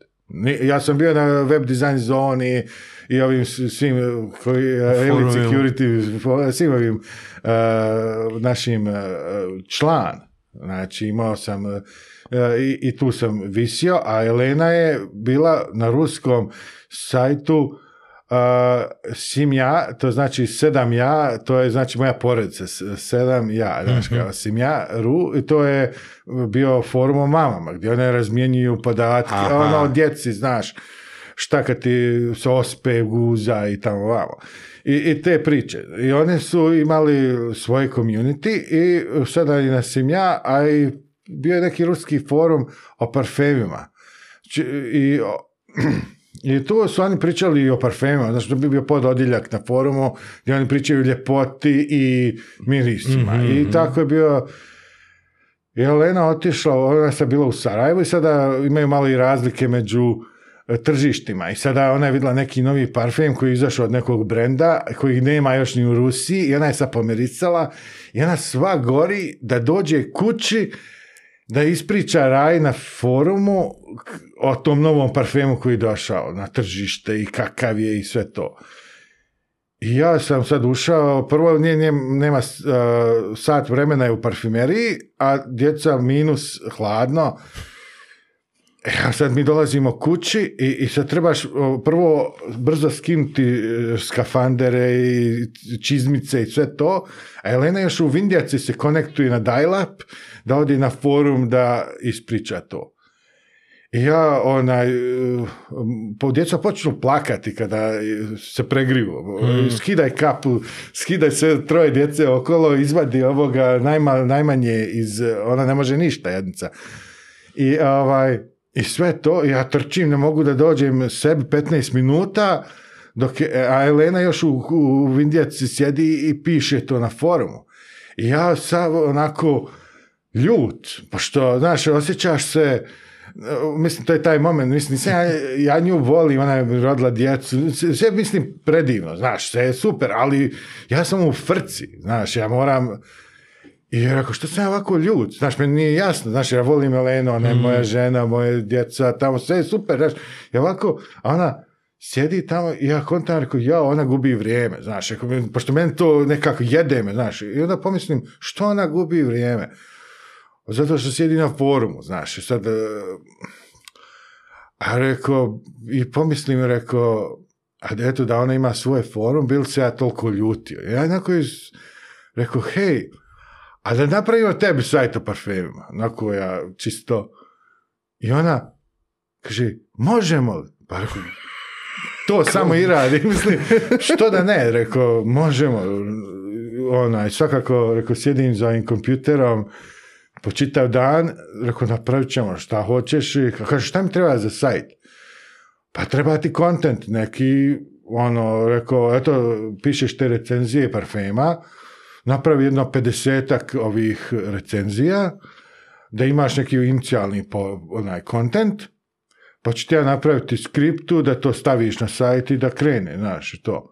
Kaže, dobro, nema problema, i hajde tamo večer tamo vamo i odem spavati i negdje oko četiri budi beba, znaš, ono, plaći sve tako kako ide, a Helena sidi za kompjuterom. Kako šta to radiš, Bona? Kaže, 47. šta 47? 47 recenzija sam napisala, znaš, pa je rekao, da, idi, rekao, spavaj, sutra pravimo sajt. Znaš, znači, ja sam odmah, ona je u Word otvorila to i počela to. Rekao da... si 50, ona pravi 50. Ona je, htjela da mu ujutru kad se ja probudim kaže evo. Evo ti 50. Evo ti 50. Znači, toliko je ona pokazala energije i to da je ona stvarno za to htjela. I onda sam pristupio tom projektu da vidimo kako ćemo da napravimo. I onda je meni s početka bilo, ajde, instalisat ću onaj neku forum skriptu, e, uzeć neki za djevojke ovaj, skin, e. Mislio sam ja da će to vrlo jeftino proći. Instalisat ću možda neki WordPress ili ima još nekih drugih opcija ili ću napraviti na kraju sam ono neku, daš, ali Elena je došla s čitavim planom, ratna strategija, pošto ona je već bila kroz te startupe i se živio, ona zna kako to se se radi, znaš, mhm. project management i sve to. I ona je već imala čitav dana što vidiš fragrantiku, to je već bilo u njenoj glavi, i srcu i u mozgu i u svemu. A, ovaj, tog dana. Ja još uvijek nisam dostigao to sve što je ona zamislila mislim, još uvijek radim na tome. Ali u suštini sad sam htio da kažem je da Elena je već imala široku viziju, da ima enciklopedija parfema gdje e, imaju kao tipa e, verifikovani podaci, onda imaju ima community, ljudi koji šeruju to iskustvo, znači dijele znanja, onda imaju rejtinge razne, i to ne samo po više parametara, a onda imamo razne, onda vizuelni, naravno, mhm. elementi su tu i onda zajednica, e, to je dosta forum pokrio, to nisam morao da pravim od početka, ali eto. Onda magazin gdje ona ima vijesti, gdje ona objavljuje novosti Onda to bilo dosta ovako uh, miks e, nekih mikrobloginga, social networkinga koji je bio prije Facebooka još hmm. uvijek. I ovaj, svih tih stvari. I ovaj, znači, e, sviđaju joj se s foruma ovo, joj se s news portala ovo, sviđaju se. I sad je ona to sve neki, ne, neki mashup stavila i onda sam vidio da je to jedan veliki projekt. I onaj, i sedi sam, sjedimo, tražimo ime što smo imali taj pun gas i tako se nameknu taj pun miris. Aha. E, I ona se smije i kao, aj tako ćemo i u to vrijeme čak mi nismo imali kreditne kartice, nismo imali, ništa još nije postojalo, Paypal iz Srbije, iz Bosne nismo mm. mogao da registruješ. E sad, Edis ima drugara Samira, koji je isto naš e, imigrant u Silikovinskoj dolini radi i tako to. Pozdrav Samiru. I ovaj, sada, on ima account na GoDaddy i on nam sada registruje domene, znaš. I Edis kao javlja Samiru, kada ko registruje pun miris domenu, znaš, kao tipa pravimo nevidih projekti, kao šta je to, nešto o parfemima. I smijemo se, mi tako priča i Elena kaže ja ću vas sve kupiti, znaš, pošto, e, pošto mi smo mislili, ma daj, pun miris, e, pun gaz, znaš, ako ovdje auto community, 3000 ljudi dnevno dolazi na sajt, mhm. onda svi oni autotuneri, mislim, vrvi životom, znaš, i sad ti vjeruješ šta je projekt, znaš, to je velika stvar, e. A, a, kao ti, a sajt o tek se počinje i još mi smo nekako zanemarivali tu nišu, nismo pojma imali, znaš, e, e, tako se mi spijemo, tako se lena, i to je tako lijepa uspomena, znaš, i rekla ja ću vas kupiti. E, dobro, na kraju ispalo da je Fragrantika nas sve pokupila iz te mm. ekipe i svi sad za nju radimo, praktično, moju šefcu Lenu. A, koliko ljudi znaju da fragrantika potiče sa Balkana? To je jedno od pitanja koje mi baš Viktor sugerisao. A, ovaj. pa znaš šta, mnogo ljudi nas povezuje, pošto je Lena Ruskinja, i imamo dosta ruskih kolaboranata, recimo i Sergej, Matvej, Iva, Igor, puno ima ljudi koji mm. su oko fragrantike, koji pišu vijesti. E onda Sandrina iz e, Srbije a, ovaj, Marina, nažalost, ona je preminula, ona je isto bila iz Srbije. I ovaj, Sanja iz Bosne. Znaju da smo mi odavde. I mm. kad smo tek krenuli, evo da pričamo o tom pun mirisu i kako je od pun mirisa došla Freda Fragrancije. Ja, mislim, Vasti ide svojim tokom, sve super mi radimo i sad to postaje velika kompanija i sada ja sam... Elena ne radi za vas ili ne, radi za vas? ne radi, ona je, znači, i sad ja u to vrijeme preselili smo u Beograd, pošto je kompanija porasla za 120 ljudi i sad mi svi koji smo bili u početku, tu mi sad dobijamo neke više product management pozicije i tako to. I ovaj, pomažem, ja sam isto došao, na kraju sam dao otkaz na fakultetu, pošto je nemoguće bilo mhm. sve to da se drži a, do dovoljne količine i onda ono što je za moje filozofija mojih roditelja i pogotovo moje babe i dede, kada sam ja rekao babi da dajem otkaz na fakultetu, ona rekla, državni posao, ti si lud. Kaže, ona me maltene rekla je, zažalit ćeš, sine, ti nemaš pojma šta si uradio i tako to. Mislim, to je ta, oni, oni žive, njihova mudrost i moja mudrost sadašnja za moju djecu uopšte ništa ne važi. Potpuno je pogrešna. Potpuno je pogrešna. I u novom svijetu drugu, sasvim drugačiji će biti način života. Ali to treba biti čovjek svjestan da se sve mijenja. Sve, sve ima svoje svoje vrijeme i prolazi. I tako smo i ovaj, Fragrantika je, krenuli smo s tim pun mirisom, još razvijat ga na našem sajtu. Prilično je bio komplikovan poduhvat i ja sam morao da isprogramiram maltene, jedan dio sam iskoristio iz open source jedan dio sam morao kompletno napraviti, samo zato što je Elena tražila. I onda, mislim, dani smo provodili pomjerajući ljubičice u hederu. Mislim, to je sve, e, kad stavljaš svoje srce u to, e, jako bitno za nju bilo. Sada, kad pogledaš s ove distance, nema nikakvih smisla, ali, ali nije, nije mogla da... E, ja, ja sam da došao smo u neku poziciju, treba sad pustiti sajt online ali ne može, pošto uvijek hoće još nešto, još nešto, još bolje i ona da hoće da da, ona je do tog vremena već dodala 500 parfema, znači prije nego je sajt i ugled. Ono što si tražio 50, ono da, do 500. Da, ona je sada već do 500 i ovaj, i sada je bilo trik za Valentinovo. 14. Mhm. februar lansiramo 2007. lansiramo pun mir i skidamo password, to je bio onaj the password, znaš, znači ako da, da pošalješ, evo te ovo, evo ti password, nemoj nikom da daš. Znaš, i da se ljudi mogu doći da vide kako, šta mi to radimo. Ono, Uh, sjećam se slao ovom Marku Bjeliću, čao Marko. čao, pozdrav. I, njega, e, njega pokušavam da, da da dođe. Pozdrav velikog e. mungosa. Veliki mungos, ja, on je, čovjek je, u, svim ovim pričama on je negdje tu. Mm. Nevjerojatno, čak i u vas tu bio i kod nas i uradio dizajne i a, za pitch, ne, nije, nije on radio dizajn za pitch kojim smo uhvatili na vala, ali radio poslije za ove dizajne koji su za on je radio. U gomilu velikih poslova. On je svugdje, ja mislim, on je bukvalno od Ubera i Airbnb, čovjek je dizajnirao YouTube, mislim, svugdje je bio. I stvarno je vrijedan čovjek pažnje i od njega sam dosta naučio minimalizam. Bio se u toj stolici pred dva, dva mjeseca, ali ne, ono, kao ja ga zovem da pričamo, kaže, ima vremena.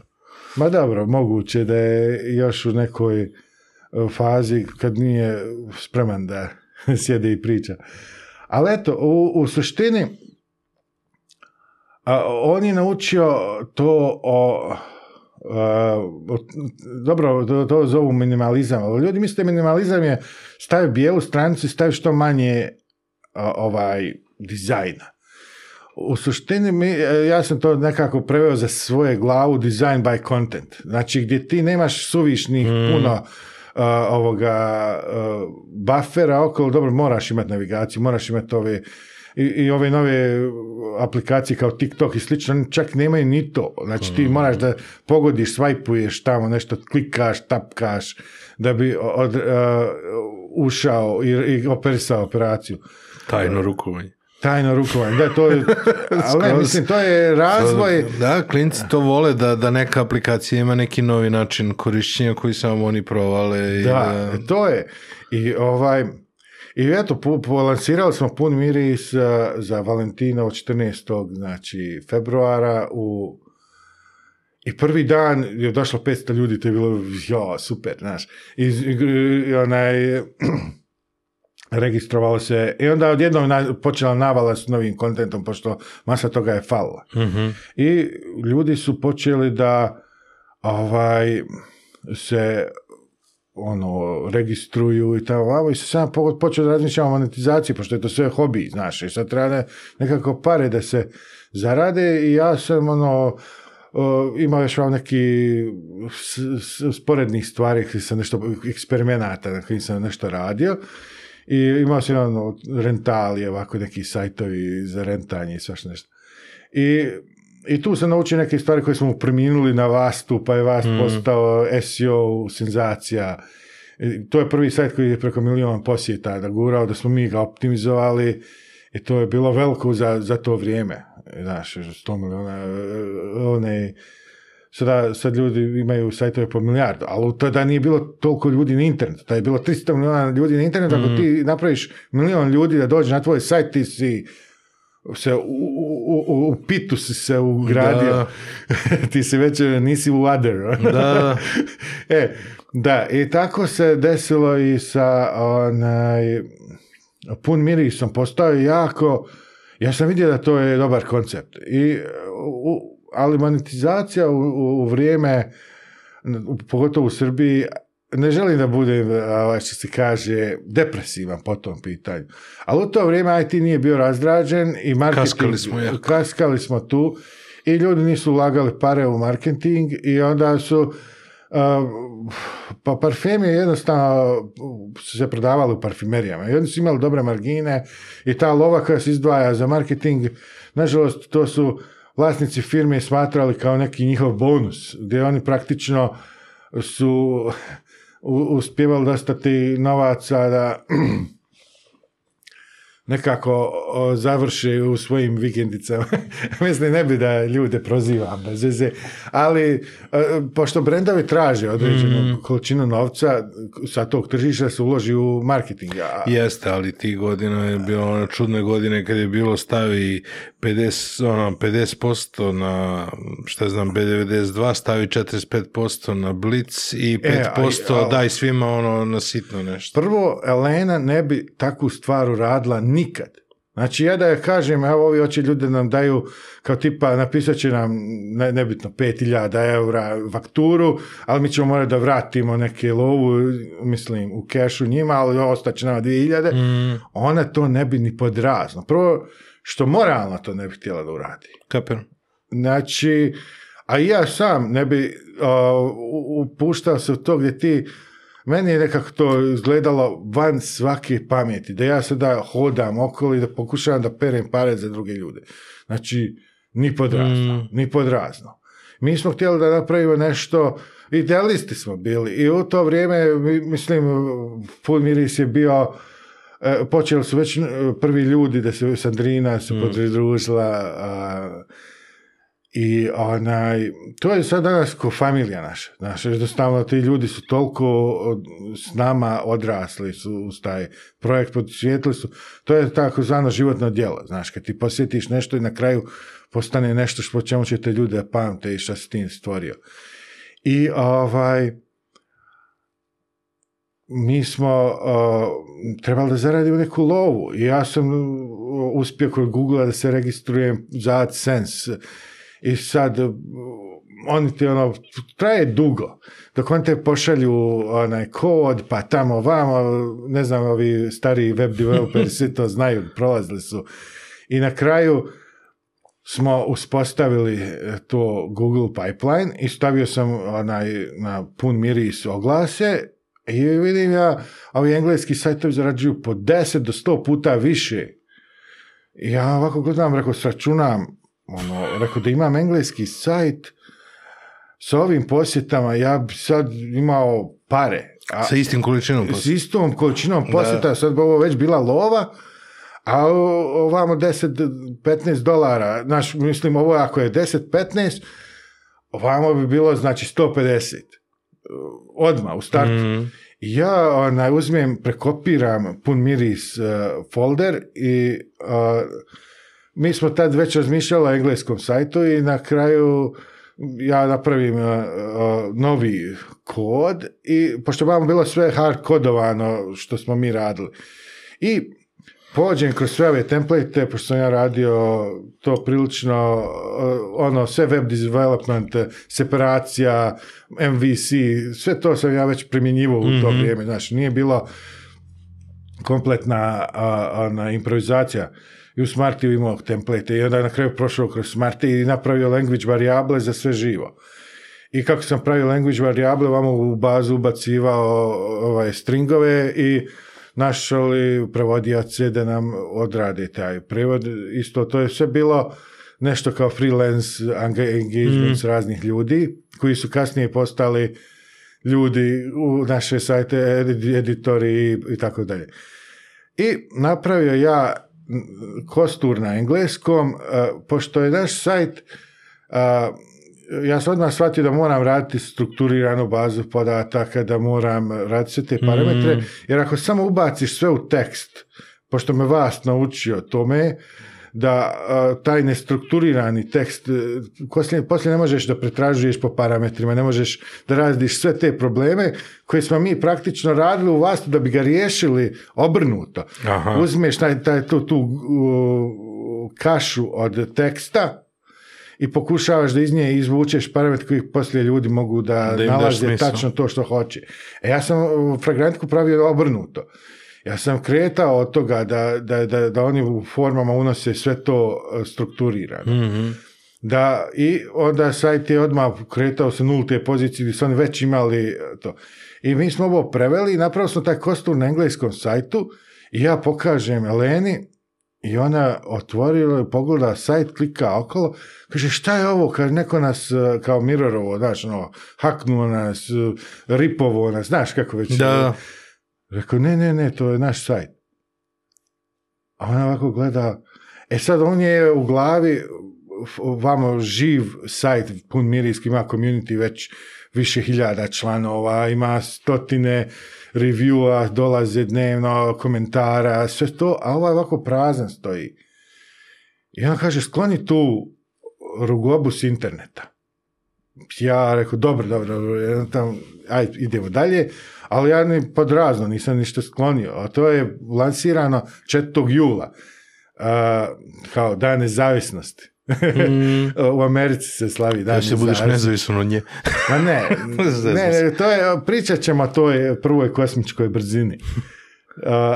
I to je, a, tako, čisto onako, kao, jedan dan moraš skinuti taj pasvor, pa eto, koji ćemo, eto, ja sam odlučio da bude taj četiri. Dobro je, dobro da ih vezuješ za datume, zato što onda može lako da ih se setiš.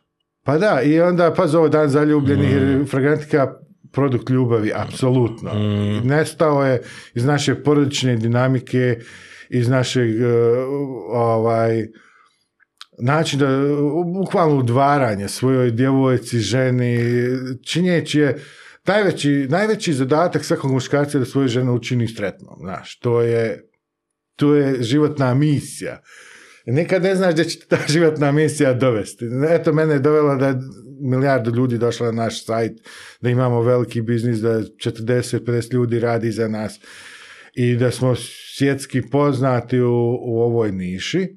A nikad nisam znao da će dotle doći, nikad ne možeš pogledati, gledajući unazad, e, šta ćeš stvoriti unaprijed. I ovaj, koliko, tim... Koliko fragrantika nastaje posle punog mirisa?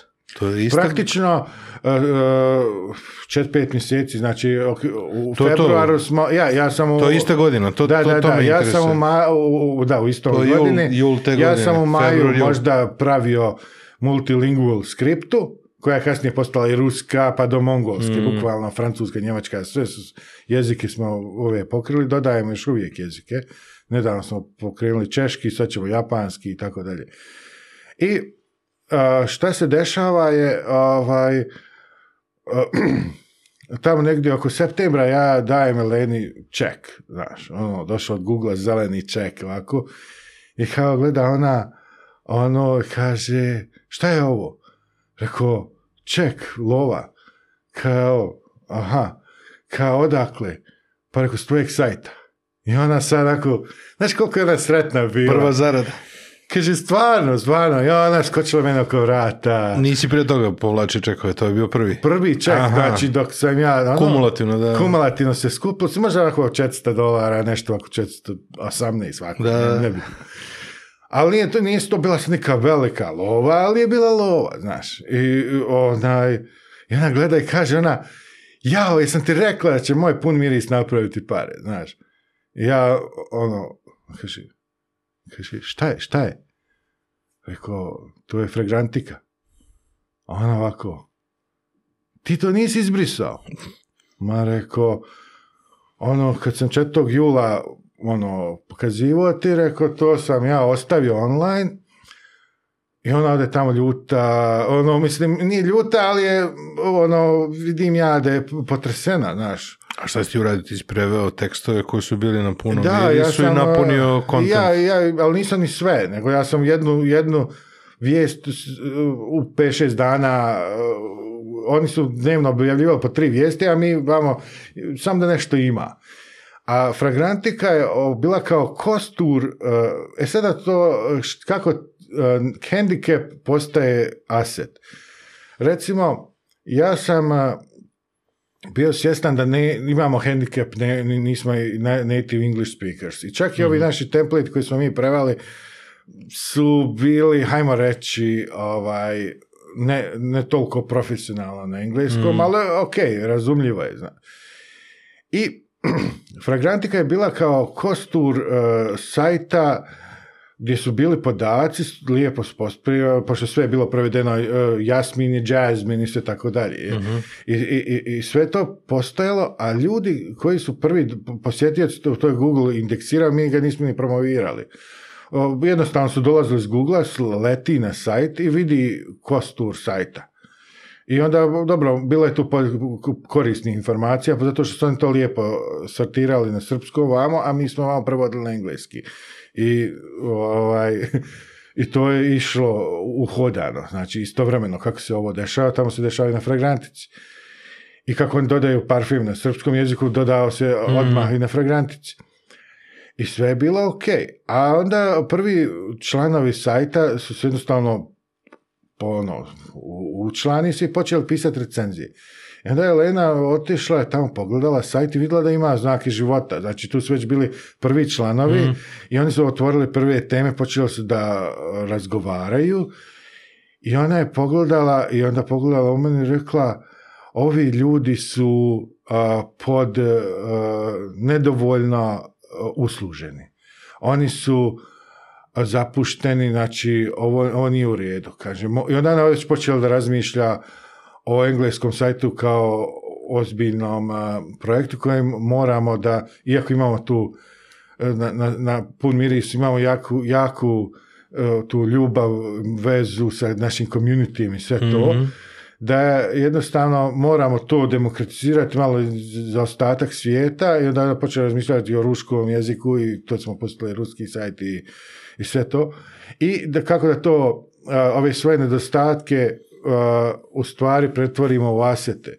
U, u, u, I onda smo počeli da razvijamo community i što je jako lijepo e, u blog, e, to je blog, vrijeme blogova, 2007. Mm. 8. to su svi bili blogging. blogging da, sve je eksplodiralo. I tad je eksplodiralo i Google je dosta gurao blogove, pošto oni isto odbrću, zavrću pipe kako im što odgovara. I I mnogi su blogovi od tad postali pravi e, sajtovi za ovo, za ono, sa šta nešto. Ljudi su magazini i tako dalje. Ali su kretali kao blogovi. E, a... Pa i Google je kupio bloger. Pa da, i, i imali su svoje financijski onaj... E, a Lena nije volila blogove, ja sam vodio svoj blog, ali prestao sam u to mm. vrijeme. I ovaj, ona nije htjela da pušta svoju agenda, znaš, šta ja volim, ne moraju drugi da vole. Ona je to zamišljala mhm. da svako može da kaže šta... Honest review. Da, šta želi. I, i da neko, neko voli šta ja znam, limu neko ne voli, znaš, i, tako dalje, ali svako ima nekakvu svoje ukusi zato jest, imamo, koliko, 70-80 parfema na fragrantici i još uvijek nismo sve dodali i još uvijek se svaki dan pravi nešto novo. I a, tad smo krenuli ozbiljnije da razmišljamo o fragrantici. Vast je odbio tu AOL ponudu i počelo je nove financiranje i, i, i kompanija je još počela još više da raste. I sada već kad je već 120 ljudi, izgubio se onaj osjećaj e, koji smo imali... A vi ste imali i selitbu za Beograd. I, već smo mi živjeli u Beogradu. Znači, Fragrantika je, pun miris Fragrantika je lansiran iz Solunske. A, odavde iz Beograda. Iz Beograda, Solunske. Pošto mi je delovalo kao da je pun miris lansiran iz Sarajeva, a Fragrantika iz Beograda. A pun miris je počeo da se radi u Sarajevu, ova priča. U međuvremenu su se mi preselili u Beograd oko nove godine i poslije nove godine je mm. lansiran pun miris i onaj, potom je puštena Fragrantika i u augustu je bila ova frka u Vastu i Vast je poslije krenuo u tu da se pravi korporacija. I to je mnogo ozbiljnije počela priča jer mnogo više je love uzeto i sve to. I ja sam a, s je počela već e, ozbiljnije da se e, zanima i, i počela neka lova da stiže i, i, ona, i sad smo mi stalo smo igrali tu Green Card Lottery. ta Green Card Lottery je bila san da se dobije. Mhm, mhm. Jer, jer praktično što bi za mene značilo je evo ja dobijem e, zeleni karton i praktično dolazim u Ameriku jer dobio sam zeleni karton i tamo u Vastu umjesto da dobija srpsku platu i to, znaš, tamo su sasvim druge plate kad ti si u Silikonskoj dolini. Ili, ako neće vas, ima neko drugi. Znači, znaš, već je i ta barijera se skroz mijenja, to je, to je ogromna razlika kad dobiješ tu vizu. Ali za startupe bila uvijek, i Naval je htio da me dovede u, u Silikonsku dolinu, na početku, odmah, pošto je on, ono, naš kor ljude htio da okupi tamo. Na onu radnu vizu. E, da, i onda, ali to je stalno bila neka lutrija, pošto svi startupi nemaju ono lokaciji kao Microsoft recimo dobije 10.000 ljudi i oni zaberu koga hoće i dovedu. Ali za startup je bilo isto u šešir pa koga izvuku. I ja sam igrao tu Green Card Lottery, dobijem ja Green Card Lottery, sve to super spremalo se ali 2008. desio se taj e, crash berze, Sequoia Capital je napisala Rip All Good Times, ja mislim da mm. smo svi pročitali koji iz e, weba. I ja sjećam s project manager ovaj Kevin je ono kontaktirao me i rekao zašto sam ja dobio već vizu ja bi u procesu, to sad traje to tek sljedeće godine treba da bude praktično viza, mm. intervju i sve to da ja dobijem e, e, ovaj, useljeničku vizu i da dođem tamo. Ali on kao meni kaže, znaš Zoka, e, krizna su vremena i to je to i sad po, pošto u Srbiji je bio ovaj web development, ovaj engineering i sve to, da. oni su isto svi gledali kako da uštede lovu. I oni su rekli da u, u San Francisku neće biti nikakvog eh, IT tima. Znači samo ono management, ono po minimum, pošto su svi sada počela stežu kajše. Mm. Znači oni su meni rekli da ovaj, ono, taka je realnost. Mislim da, pošto oni se odgovaraju bordu i sve tako i takve su odluke i ovi bordi bio jako zadovoljan sa s, eh, developmentom, engineeringom u Srbiji i da je čak i neki od project menadžera su preselili u Srbiji, bili su, živjeli su ovdje po, ja mislim da je Kevin godinu dana mm. živio u Srbiji ovdje u, u Beogradu, taj Kevin Loves i on je meni rekao, jednostavno se to. Onda sam ja rekao da ja odlazim. I onda je njima bilo, možeš ostati koliko hoćeš, znaš, ali ali ja sam jednostavno tad već ono prelomio u sebi da je vrijeme da se krene. mislim, to je bio skok bez padobrana, gdje ti moraš naučiš da letiš u letu. mislim, mislim, nije, ne tako, možda je dramatično za mene bilo, jer sam dao otkaz na fakultetu, prestao sam da radim za vast, nešto malo love se zarađuje sa fragrantike, ali to je kad upadneš u procijep koji moraš da uspiješ. Jednostavno, nemaš druge opcije. A to ti je ona stara definicija preduzetništva, da je preduzetništvo skok bez padobrana, gdje moraš da sastojiš padobran do zemlje. Pa, tako nekako. kao, imaš sve sastojke i ono kao treba da ih sastojiš do e, zemlje. Pa, da, Napravimo pauzu metafora. da dopunimo kafu. Može. Dopunili smo kafu, pa da nastavimo. E, skok bez padobrana je bilo zadnja priča i generalno taj, ta tranzicija na Kaliforniju i taj podizanje da, na ono što je danas. Što je danas, da, ovo je bila... To je početak. Da, ovo je bila ovako kao tipa produžena uvertira Pošto je, ja znam da tvoji gledateljstvo, pogotovo ovo inicijalno, je većina iz web i biznis e, strane. I njima... Pa da, njima, njih interesuje web, e, a u stvari ne znam. Znači, ja imam šaranoliku publiku koja voli da sluša interesantne ljude i onda sada, da. ono, jednima koji, koje više interesuje tehnologija i preduzetništvo će biti malo ovoga, ovima koje više interesuje parfemi će biti previše ovoga, znaš, tako da nije da, e, važno. mislim, ja ću vidjeti da Leno dovedemo za, pričamo o parfemima, to će biti... To će biti samo o parfemi, ništa samo drugo. da, jer ovo je, dobro, ne bi da pravimo što kaže... Ali mnogo važnije kako je nastalo. Važno se zabeleži. Da, ne, važno se, zabeleži, da se kaže neki...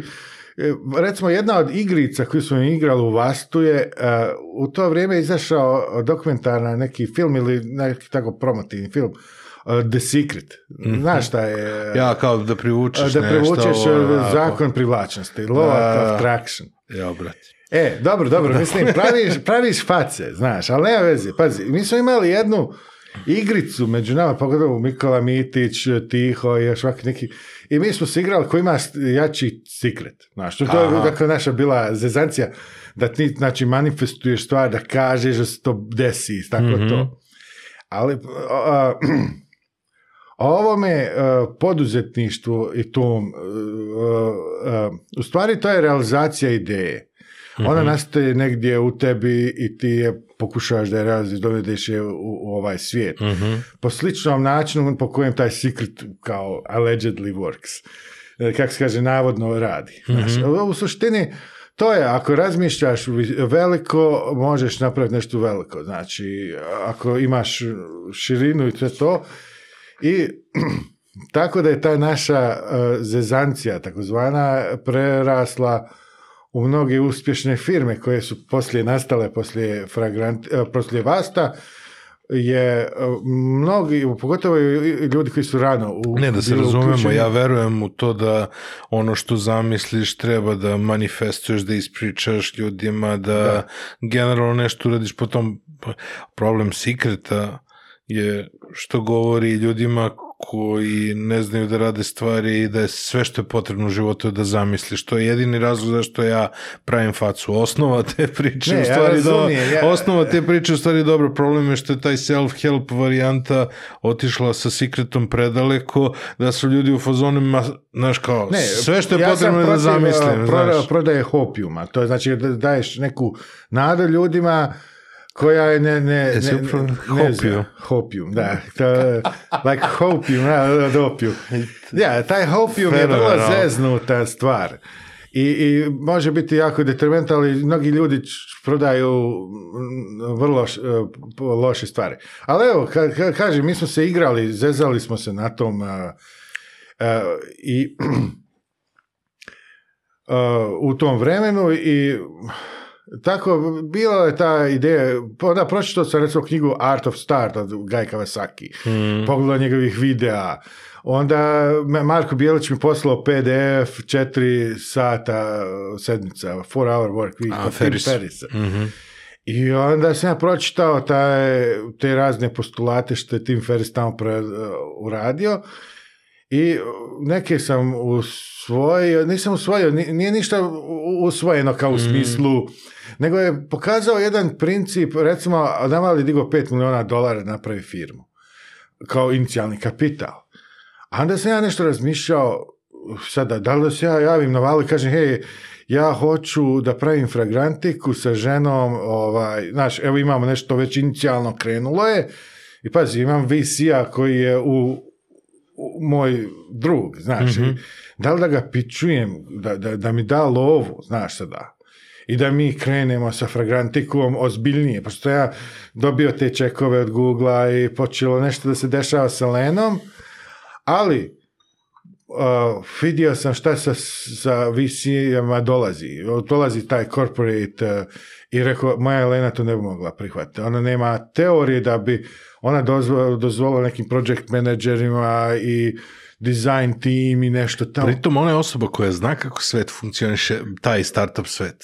Da, ona sve to zna. A, ja rekao, onda taj Tim Ferrisova knjiga, ti u suštini shvatiš da ti ne treba niko i ništa da stvorio nešto. Znači, e onda i taj secret, ta manifestacija, neke ideje i, i svih ti stvari, onda tipping point od ovoga Gladvela, gdje ti kreneš nešto i onda to počinje da se e, snowballing i raste i kako neke ideje umru zato što su otišle u stramputicu, a neke ideje produže i postanu kao wildfire. I ova recimo tranzicija i sa e, srpsko-hrvatskog područja na engleski, ruski, njemački i tamo dalje sve te jezike mhm. i postaje svjetski fenomen. I ovaj se desila zato što smo, e, to je to u, recimo u Gladwellu tipping point kako se informacija širi, kako se e, building, razvija se taj projekt. Mhm. I ovo je svo vrijeme bilo jedna ideja koja raste. I mi smo postali mikro multinacionalna kompanija. Znači, mi imamo ljude iz sada oko 30 zemalja koji rade za fragrantiku, objavljujemo na 18 jezika. Neki ljudi nisam nikada ni sreo u životu. Najviše na koje nas ikada skuplo je na ovi ovako sad ćemo otići u Milan na Eksansu, tad će nas biti 11. Najviše ikada nas je bilo 17 skupa mm. na jednom mjestu. A, a, mnoge ljude koje nisam imao priliku još da upoznam, nadam se da ću poznati, a radimo godinama, surađujemo i on, ovo je neka nova vrsta isto a, zanimanja. Mnogi ljudi su, recimo, učiteljica iz Meksika radi za nas, mm ona je pa, passionate o parfema, voli parfim, jako je iz naše community je došla da pomogne. Pa je postala prvo kao saradnik, nikad niko nije za nas radio, a radio ako mislim govorimo radi, mora da se plati. To je zakon. Znači, ne primamo volontere koji rade za džaba. To u nas nema, nikad nije ni bilo. Znači, nismo, mislim, ljudi pišu review besplatno, mislim, to je hobi njihov. Mhm. Mislim, sajt ima s, milione, sada preko milion članova na svim jezicima i ljudi imaju sve hobije, stavljaju sličice, pišu uh, review, reviews, ratinge i tako dalje ali ovaj, čak i ovi moderatori koji rade, to oni su, znači, rade za nas i plaćeni su za taj dio posla. I mnogi od njih su takozvani part-time e, e, e, pisci. da. Mhm. I možda bi bilo čak i nemoguće napraviti full-time znaš, ja bi ne mogao platiti nekada, pogotovo u inicijalnim fazama, hmm. ljude koji bi bili po, nekoj punoj plati, radili, eh, ima, sad imamo full time ljudi, mm. ali u, to vrijeme nije bilo uopšte moguće. I mi smo sami od naše plasti, eh, od vas i financirali ovo što radimo. Pa da, ali to je recimo nešto što sam ja govorio ljudima u, nekim drugim kreativnim poslovima. Ti možda nađeš pet klijenata za koje ćeš da radiš mesečno za po 200 eur Petinu svog vremena. Da. I, I svako će da ti plati petinu tvog vremena za 200 eura i njemu odgovara da za 200 eura, njemu ne treba 100% tvoje vreme. Ti pronađi pet klijenata koji će ti daju 200 eura i pet klijenata ti 1000 eura mesečno. Da, mnogi ljudi tako ne dopunjavaju svoj budžet, imaju plaćni hobi, mnogi od njih su rekli ja da, e, da me ne plaćaš, ja bi ovo radio džabe. Znaš, e, to je ona u smislu... kad dođeš do tog e, nivoa, da. Koliko ljudi vole to što radi I ovo je neka nova vrsta posla koja sad trenutno takav postoji i onaj o, to će da se transformiše sve s vremenom, ali, ali ja imam osjećaj da je ovaj, evo recimo pričali smo o Viktoru Mihajloviću on nema čak ni sajta, on radi na platformama kao TikTok, YouTube eh, i slično. I ovaj...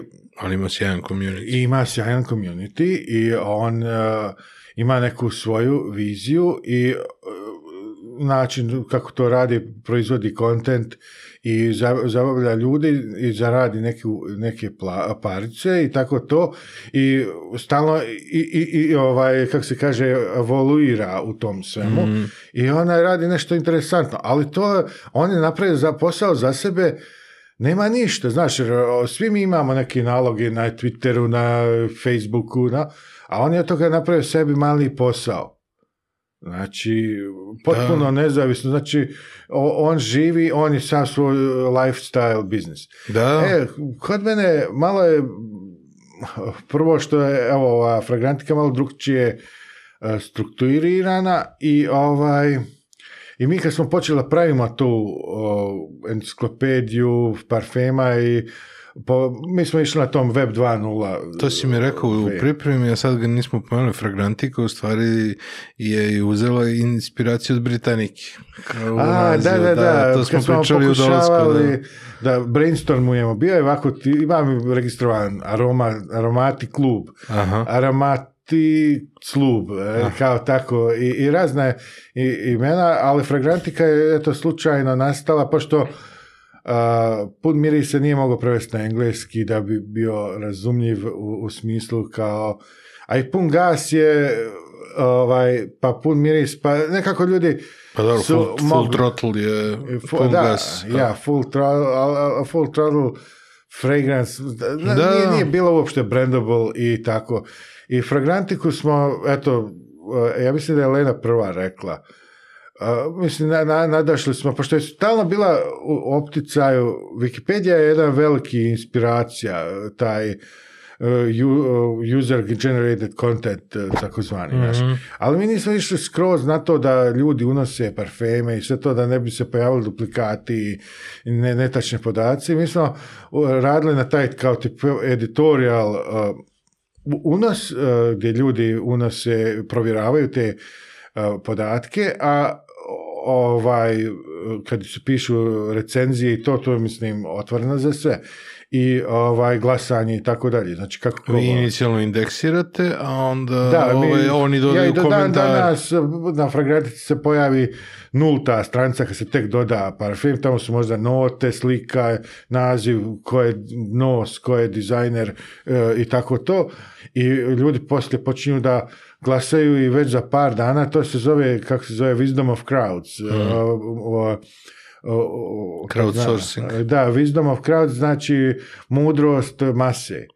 E, I, ovaj, kad se gleda s informatičke teorije, ovo sve postoji ako se ne, ne rade manipulacije. Naravno, manipulacije sa njima se moramo boriti. Ali, recimo, ti dođeš na naš sajt i klikneš par puta, recimo ovo, ovo mi se sviđa, ovo mi se ne sviđa i tako dalje. I ti si donio jednu mali kvant znanja svojega, mhm. ličnog, u, u, u, tu veliku mašinu koja radi. I sad svako doprinosi neko malo znanje, nešto, ali kada se to objedini, dobije se nekakva slika prilično dobra. I recimo ove agencije koje su... Koje niko pojedinačno ne bi mogao sam da napravi. Da. I ja sam, beyond ourselves. Da, i tako je kad smo mi od prvih tih crteža Eleninih za sajt, mhm. ja sam shvatio da ona hoće da ima multi, da, da ljudi u stvari e, kreiraju to znanje. Da ne, ne kaže ona ovo je slabo ili ovo nije. Recimo, evo primjer iz e, Eh, o mirisme da malo pričamo, mm, da dođemo do nosa na kraju. Jer ljudi eh, misle, dobro, mi svi manje više vidimo... Viktore, je recimo, interesovalo koji je najpretraživaniji parfum na sajtu. to, Viktora interesuje. Arma eh, Club de nuit. dobro, ali nebitno. I kaže, za boje mi svi vidimo manje više isto mhm. ako nemamo neku, kako se kaže, handicap, da, da ne vidimo boje i tako to. Ali za nos, mi smo mnogo različito, neki eh, ljudi ne osjete recimo citruse, uopšte. Imaju eh, eh, isto kao što neki ne vide plavu boju ili crvenu ili žutu, tako i postoje anozmija za određene spektre. Mhm, da, da, da. Ljudi onda recimo imaju često anozmiju na ovaj muskus. I parfem ubi, a ovi kažu ništa ovo, znaš, ne mirišem uopšte, ako je baziran na muskusu, a oni imaju anozmiju na muskus mhm. i a onda imaju takve razne neke e, a onda s druge strane mirisi su e, povezani s našim sjećanjima i emocijama. Kako ne? Jer e, jako, jako mnogo i e, kada je kada smo mi pravili, naš prvi parfum, pošto smo mi napravili e, The Vagabond Prince, to je jedan mali brand, e, takozvani niš brand, a isto s smo e, htjeli da kupimo kuću, pošto ste stedili nešto love i ovaj, i onda ono što bi mi kupili nemamo dovoljno para, a ono što je dostupno ne sviđa nam se. I onda na kraju došli mi i rekao, ja, ma pusti tu kuću, hajmo mi napraviti svoj brand i napravimo parfum. I on kaže, hajmo. I tako smo mi svoju životnu teđevinu potrošili da napravimo svoj parfum. I onda ona počela radi sa ovim Bertranom Dušaforom, on je jedan lijep uh, gospodin iz Francuske. E, i tu smo isto bili pioniri kada uh, praktično E, demokratizacija e, proizvodnje parfema je isto jedna velika stvar. Mhm. Prije su ljudi e, uglavnom kupovali Chanel ili ovako neke imena i Saint Laurent, Coty, su imali sve te mhm. brendove. I oni su proizvodili parfeme i sve je bilo u, u, kako se kaže, push marketing. Mm-hmm. Znači, lijepa djevojka ili momak, ti stvoriš neku brand sliku i to projeciraš na ljude. mm E sada je Lena je pravila svoj prvi parfem, ona je izvukla iz sjećanja iz svojih uh, e, djetinstva, recimo e, ribizla. Znaš, mhm. to na, u, u, u, Moskvi gdje je ona odrasla, to je hladnija klima. Kod nas je ribizla ovako nešto sporedno, neko voće. ali kod njih e, šljiva ne raste, pošto je tamo hladno. tamo znači, nema šljiva, znaš. Možda jabuka nešto ima i tako dalje, kruškica, ali ribizla recimo na svakoj vikendici ima negdje buš. ja, I sad onda ti kad povučeš onaj list, on tako ljut, tako, znaš, onaj, malo eh, oštar, tako. I sad, ona je napravila parfem koji se zove Enchanted Forest, koji je baziran na ribizli i ovaj pine ovim e, borovim, e, iglicama mm. i ima nešto i slatko i, i, i, i ovaj e, i tako ima jedan, lijep kontrast i to je ima neku takvu osobinu da transportuje ljude kad ga mm. znaš tako vidi se na drugom mjestu i tako i to smo napravili sa Bertranom i 2012. godine prvi naš, naši parfem i o, prodali smo sa fragantiku bilo smiješno, mi nismo mogli da napravimo toliko parfema koliko možemo da plasiramo. Znači... Stvarno? no da, da, mislim, na, prvo naš community što je htio, a onda parfem. je, onda se desi ono što se e, on uh, vagabond bih e, se zezamo, to je naš uh, pošto imamo tih čerjeva kao naš sin koji je u ono napustio nas, pošto je ime i govori The Vagabond Prince, mi smo bili Buntum. Kneževići su kao princ, jel?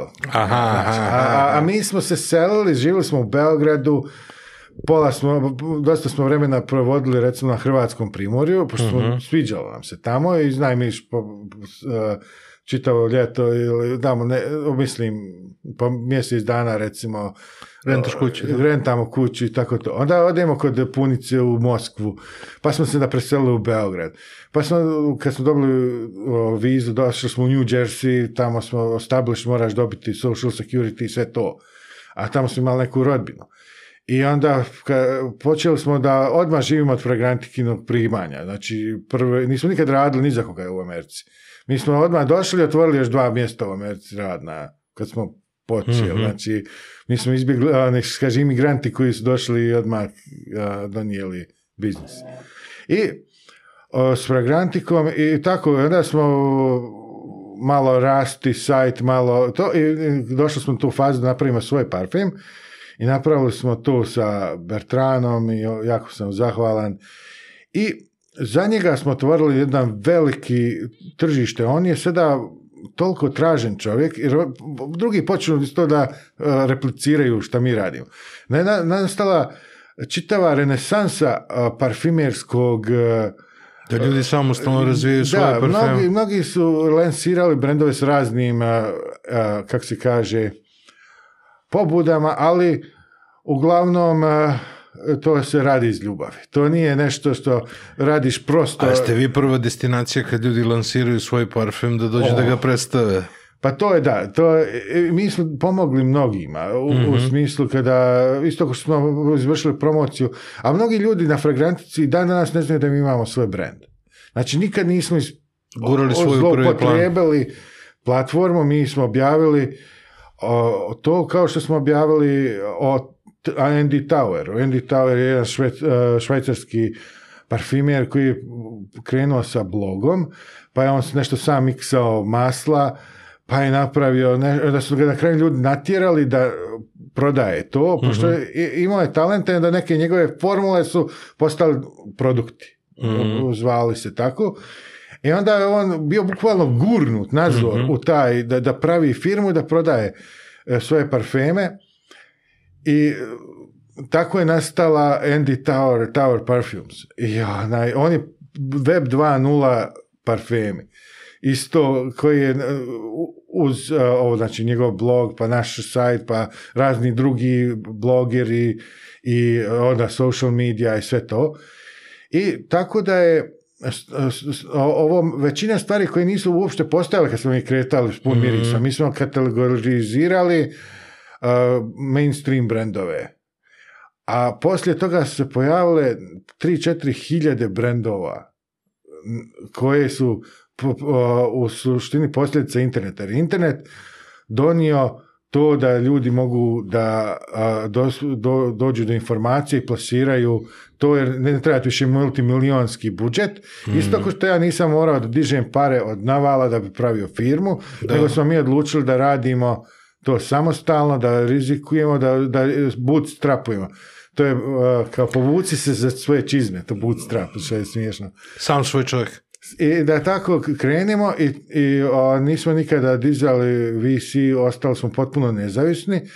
Nismo nikada prodali editorial, nismo nikada radili sponzorisanje mm. članke. Nijedan brand nikad nam nije e, dao pare. Brendovi e, nam nikad nisu usudili da traži, da mi nešto muljamo, da brišemo. Mislim, jest nekada ovako neki uh, ljudi koji, uh, ovi, ovi startupi, ovi 3000 brendova što sam mhm. rekao, mnogi tih uh, brendovi su stvari one man show, znaš, i sad on nešto pravi i sad dođu ljudi i pošto toksik ovaj, ponašanje se prenosi sa interneta, on je možda krenuo kao čovjek koji i na Instagramu i sad počeo prodaje parfeme i sad e, mi dodamo ga u enciklopediju. Ljudi koji njega ne vole iz ne znam kog razloga dođu i napišu loše recenzije o njemu. I e onda možda se desilo par ljudi da se javilo i da govori, ej, to nije istina, to na ovi mene kleveću.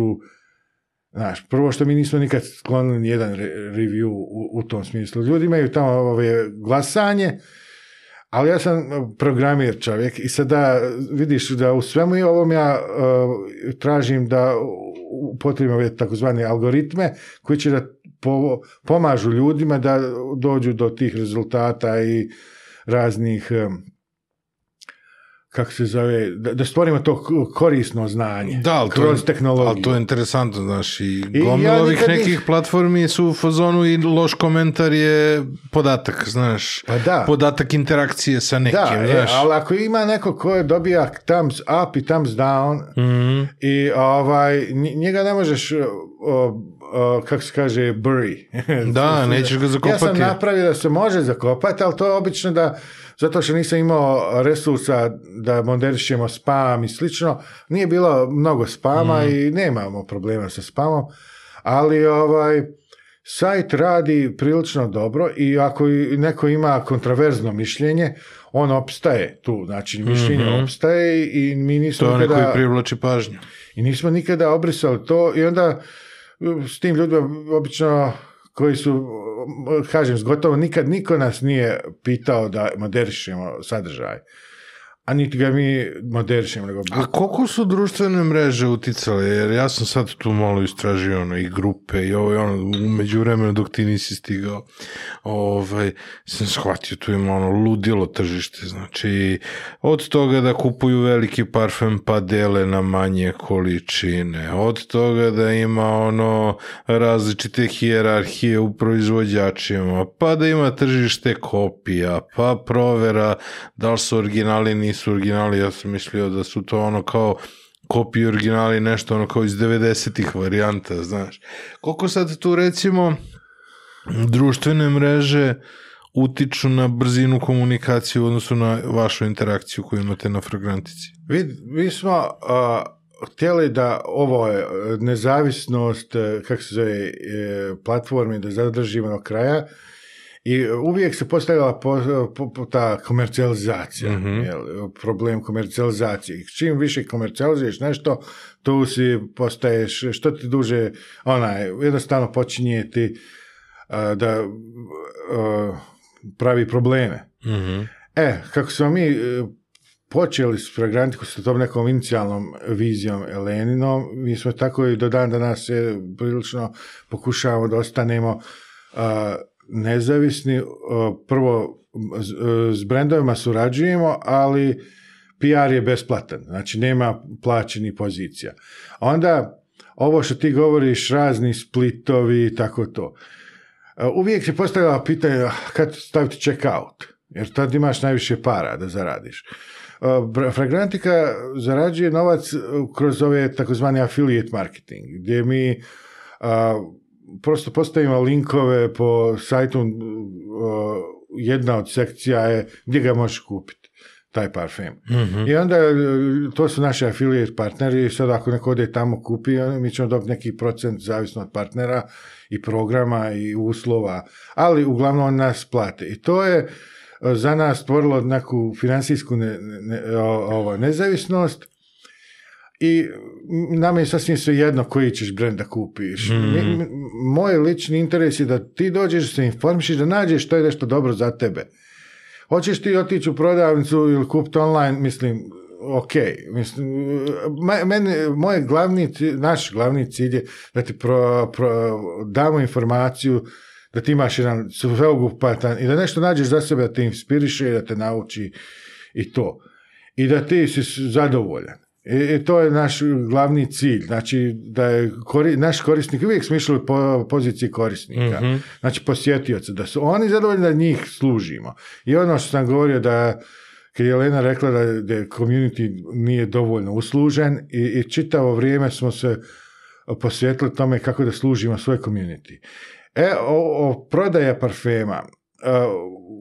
mi e, smo mogli napraviti nešto tipa eBay gdje bi mi ljudima onaj Konstantno servirali, e, prodaju. Davali kao poziciju da oni prodaju parfeme, ali da mi kao uzimamo nekakvu fi za taj list. Proviziju. Da. Proviziju.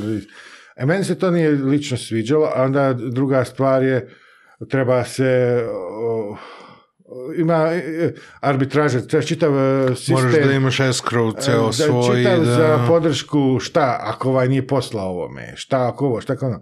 I sve to nama kao ovome mršavom startupu, mhm. nisam baš najmršaviji, ali nema veze, i kao nije bilo, bilo je kao distrakcija, nismo nikad htjeli. I onda nismo ni, Onda smo mi dozvoljavali čak i na forum da ljudi prodaju parfeme besplatno, znaš, ono stavi. E, ali se pojavilo, uh, nažalost, e, e, gdje su pare, tu je i uvijek problem. Mm. I onda su bili ljudi koji su postavljali oglase i onda ljudi plate im i onda oni nikad ništa ne dobiju. I onda pak, e sad se ti osjećaš loše kad si ti čovjek u sredini. Ti si bio platforma da nekog nekog prevari. E, e to kako zaštititi ljude od toga. I na kraju je bilo e, jednostavno na ovim e, većim sajtovima kao .com i slično, smo zapravili prosto ove prodaju. Mhm. Na ovim nekim manjim sajtovima gdje su community mnogo tighter i to, tu još uvijek ima, nek, zavisno od jezika do jezika. Mhm. Ali uglavnom prodaju ne dozvoljava. Uh, ljudi dalje prodaju, ali to više nije advertised prodaja Oni tamo nešto nude na razmjenu, a ovaj se javi i kaže koliko to košta i ti mu kažeš i on kupi. Dobro, mislim to prolazi Što odrasli ljudi rade, to nije moja stvar. Ali u svakom slučaju nije, ako ništa, e, znači sam si to uradio sebi, i o tvoje, što ja znam što ti na privatnim porukama radiš. Mislim, to je... bilo nekih velikih prelovnih trenutaka? E, pazi, ovako, tu je, znači,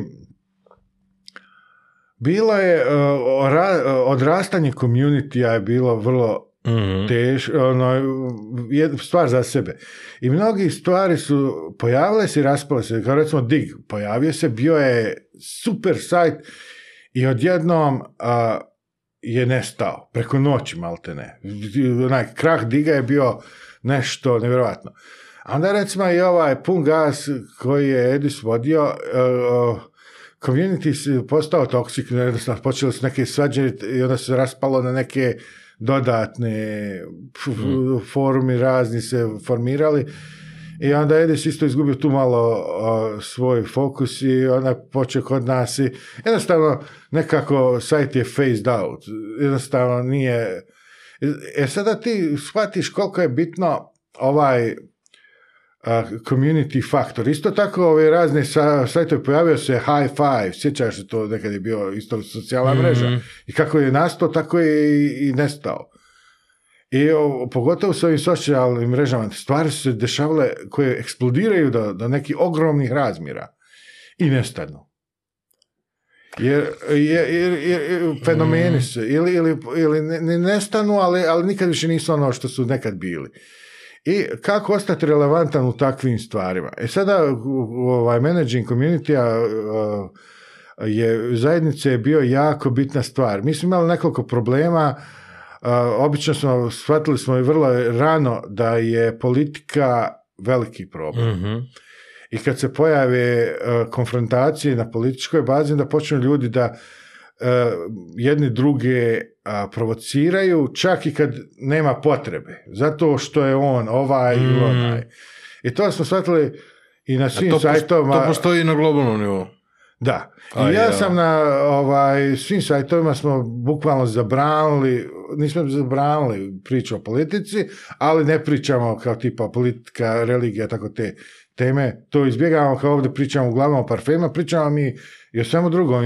Oni imaju tamo zabavu razne sekcije sajta gdje se, ne tigrice, mm. sve ovaj razni grind koji ide.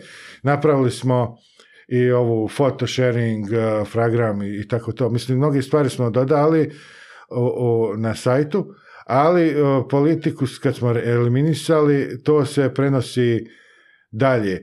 Ja za jednom pročitao jednu, ne znam, jednu Gladwell neko napisao o, eksperimentu gdje su u, u kavezu stavili kao majmuni su i okačili su im gore banane. Nigde nije dokazano da li je stvarno bilo to. E, ali je ta ovaj, metafora toliko interesantna Prskaš, bila. Kad prskaju majmune hladnom vodom i kad... Da, i god se počne penjati, oni upale ove vodene topove i, i otjeraju dole.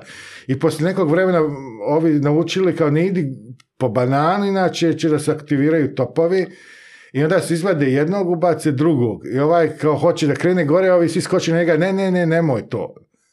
I na kraju su kao navodno promijenili sve ljudi, nikada nijedan od... Majmu nije bio poprskan. Nijedan nije poprskan, a oni i dalje nisu išli gore da uzmu banane. Ne samo to, nego i oni kad, oni tuku onog jednog novog, da. što krene po banane, nemaju pojma ni zašto ga tuku. Da, mislim, ovo je prilično smiješna pričao Sam sa, pričao sam sa Oliverom koji je psiholog, e, da. ovaj, predena na, ovaj, na filozofskom fakultetu psiholozima i pravi prijemni. Ovaj, I on je rekao da na mnogo mesta je, se priča o tom eksperimentu, nigde nije dokumentovan, tako da... Ovaj... Da, ovo je jedna takozvana, ovaj, kako se zove, E, priča koja e, dosta rezonira sa nama ljudima. Isto kao što mhm. danas toliko imaš kulturnih referenci na Matrix i teke stvari, zato što su pogodili Tačnu suštinu problema o kontroli društva i emocije i sve tako dalje. I ovo je prilično negativna priča, jel? Ali se isto tako može primijeniti u pozitivne svrhe. Tako stvoriš kulturu mjesta i naša kultura mjesta zajednice je takva. Aha, aha I onda je na fragrantici se jednostavno stvorila se takva kultura. Znači mi e, kad identifikujemo problem, nije važno banovati čovjeka. Hmm. Ja nije, nije nikad to bilo cilj. Ili iskoristiti neku svoju kao demonstraciju sile i, i tako to. Znači, naj, mi uvijek smo tu da služimo toj community. I najvažnije je kad se identifikuje problem da se nađe rješenje koje će biti dugotrajno i da prestane dio kulture i sajta. I to je... To mi se jako dopada, znači da nije point u tome da ti kažeš mi to ne radimo ovde, nego da neko iz tvog community zato što si ti rekao prvi put, kad dođe neka budala sljedeći put, neko tvoj, kome ti uopšte nisi rekao da to treba da reguliše i ostalo, nego jednostavno prenese tvoju poruku mi to ne radimo ovde. I on, to postaje kultura. Sad ti na naš sajt, nećeš nigdje ni naći da ne pričamo o politici. A ljudi ne pričaju o politici i ako počneš da postaš političke teme, drugi će ljudi doći tebi i reći će hej nemoj, ali mi smo ovdje ipak ima puno mjesta na internetu gdje se može pričati o politici, mi ovdje volimo parfeve i tako ti lijepim temama, nemoj. I onda se to, e to je, i, onda neki hendikepi, stalno ja govorimo, kad koristiš svoj nedostatak u prednost. Mm. Kao što je sajt Pragrantika krenuo kao nedostatak, mi nismo znali, mi nismo znali, mislim, mi nismo bili na uh, e, e, e, najnative speakers, kako se kaže. Mhm. I napravili smo sajt koji korist, servira ljudima ovim, uglavnom native speaker, orijentisan na englesko jezičnom ljudima, od ljudi koji nisu englesko jezični da im napraviš neki proizvod za njih, da ga oni koriste i da budu zadovoljni. Kasnije smo mi naravno i zaposlili ljude i, i, i ljudi se pridružili nama koji e, su onaj, profesionalni i sve tako, ali kad smo mi tek kretali, to nismo imali ni podrazno, ni mogućnosti, ni novaca, ni dišta. mm I taj naš nedostatak da je utjerao nas da pravimo stvari koje će da uh, obično na sajtu jednom ja obično nešto isprogramiram i to treba da radi za to, uvijek. To sam teo da te pitam, znači kada se dodaju nove stvari, znači da se dodaju nove stvari na jedan jezik pa ga testiraš ili odmah na sve? Odmah na sve. Aha, a ne testiraš na jednom ono kao da vidiš kako će prođe? E, a, mislim, e, neke fić, e, takozvani e, dodatke. dodatke, da. I, naravno, prvo mi testiramo interno, pa dodamo na jedan jezik. Evo sad trenutno... To, to mi interesuje, da li sad koristimo. prvo ide naš jezik, pa engleski ili engleski pa naš jezik? Sad je, pa- sad je počelo uglavnom sve na engleskom, Aha. pošto je najveći community i to.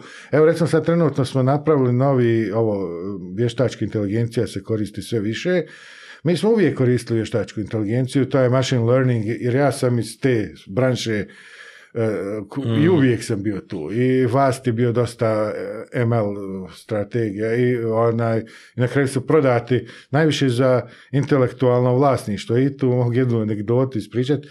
Javio se Kevin da testirao neki novi Amazonov servis koji se zvao S3. To je bila preteča AVS. Znači, da, Oni su prvo kreirali taj e, storage servis. I sad jedna od prvih stvari koju sam našao, on, da meni, su obično poslali to svim startupima, a vas bio na toj listi i dobili smo neki pristup i sad e, ja bio u R&D i prva ideja je bila kad sam pročitao tehnički papire i rekao da je ono prva što ti padne na pamet je pošto mi ne možemo da nemamo toliko diska da mhm. čuvamo ovo sve i sad ide ono indeksiranje tamo vamo mi radimo ove obnove indeksa da kada se radi novi indeks u ovom jednom momentu kad imamo ovu tabelu e, tih svih e, auta ili nebitno koga, šta god, mislim, uh, vacation rentals, da se to iskopira usput i na S3. Čisto onako, pošto je to tek krenulo, znači 2007. možda, da se jedna kopija uradi na S3. I to je išlo tako i ovaj, u, procesu i sad kako je firma velika, znači ono puno se ljudi dodaje i tamo i obično u velikim sistema ne, ne, ne, gledaš da ne lomiš ništa, znaš, ono mm. kao ti, i ti ne znaš zašto to se radi, po, poslije toga se više izgubi foresight što se to radilo uopšte. I ne znam, nekad 2011. ili 12. nebitno, kao tipa što tako veliki računi dolaze, znaš, e, za ovaj S3 i oni vide da imaju već 5-6 godina svaki auto koji se pojavio na tržištu u USA da oni imaju podatke te i sve to. I onda se pojavili ti buzzwords big data, znaš. A oni skontaju, u, imamo big data, znaš. I to postane sad novi vektor razvoja te firme. Ja sam otišao davno iz je ja više i ne...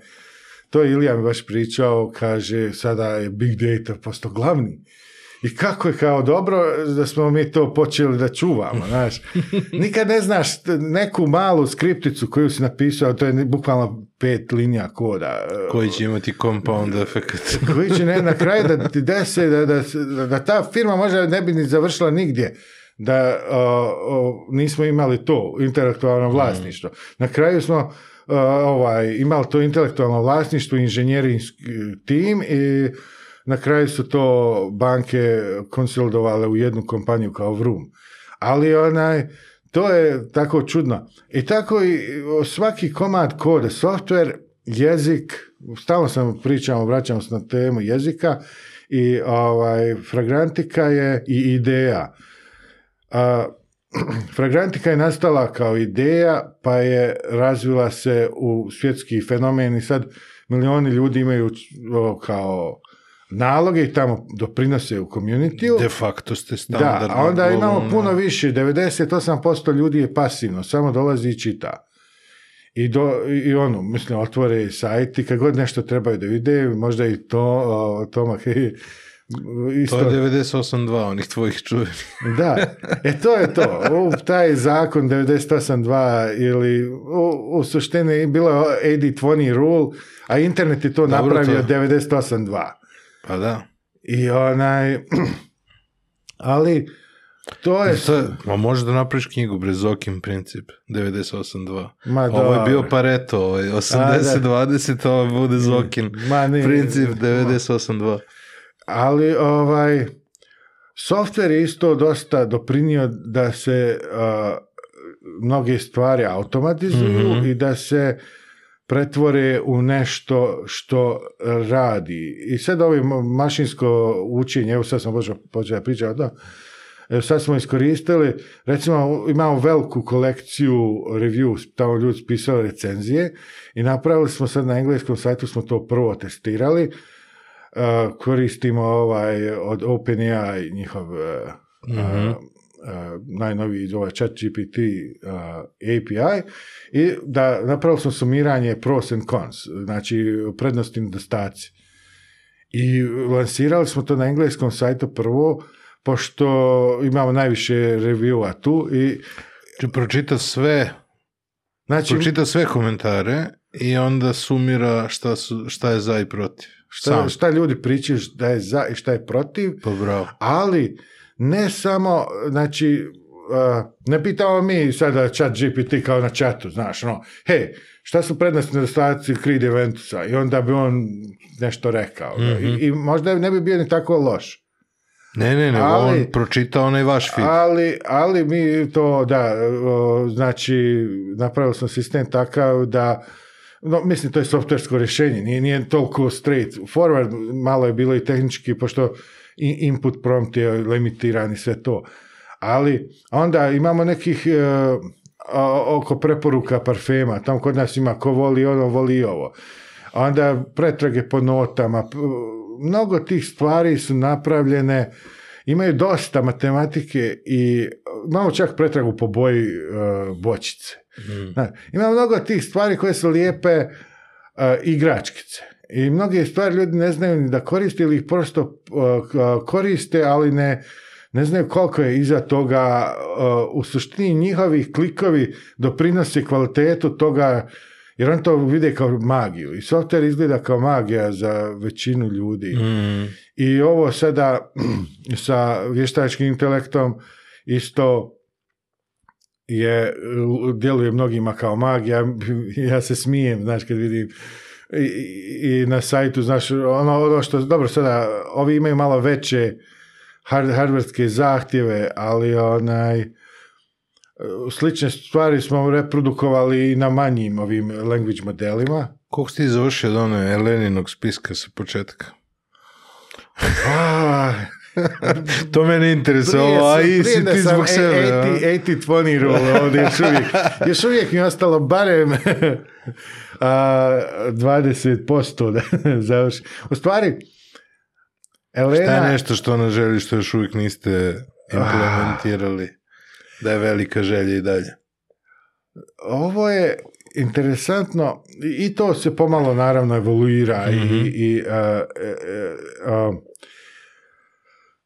i sada ovaj, u, u suštini mi pokušavamo da pratimo šta ljudima je potrebno. Znaš. Mhm. I, I s druge strane imamo neki svoj uh, stubbornness. Znaš, ono oko prodaje parfema uvijek dolazi ponovo kao jedan od velikih e, pritisaka, pošto ljudi uh, bi najradije da to kupe od nas. Znaš. Ali mi to nećemo da uradimo zato što je to logistički problem ogromni i zato bi trebalo, i onda opet naš problem e, nezavisnosti platforme i mm. svega toga.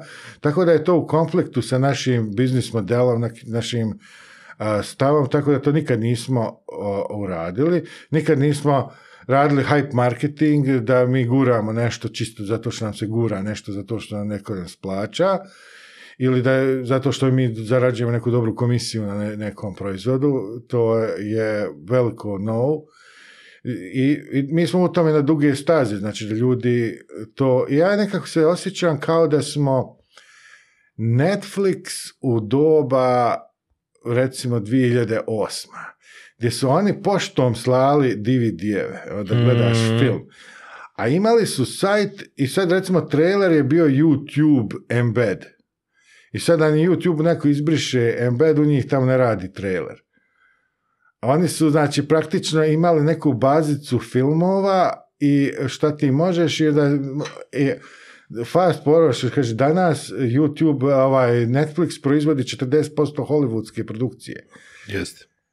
A, fragrantika je, mi, smo, kaže, sjedimo na goldmine, znaš, fragrance industrije 45 milijardi dolara godišnje market.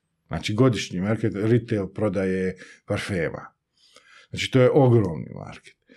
Mi uh, scratching, što se kaže neku surface, mi smo dobijamo neku komisiju od ovih prodaje preko naših posjetilaca mm dođu na sajt i odu na retail website ih tamo kupe nešto i dobijemo neku komisiju. I to je nama sasvim dovoljno da organizujemo naš biznis i naše ljude i platimo sve servere i tako dalje.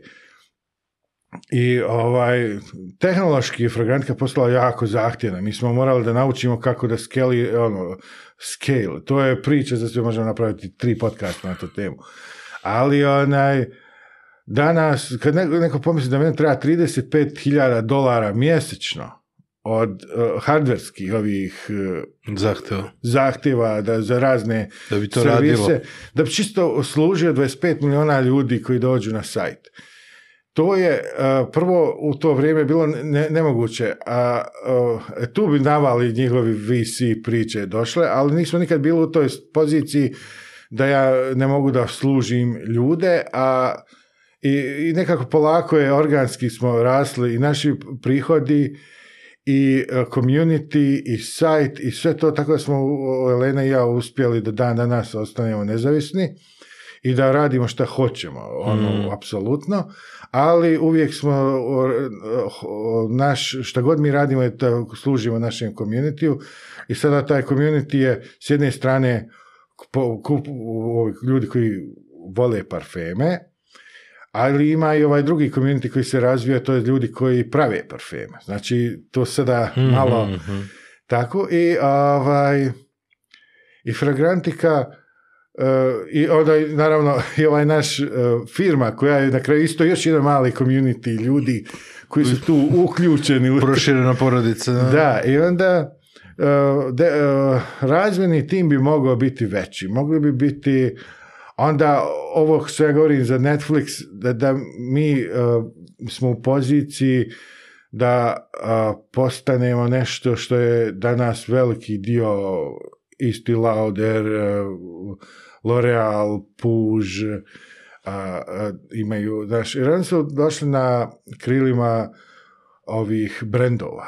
Mm. E, a brendovi polako gube svoj, e, svoju snagu koju su imali prije.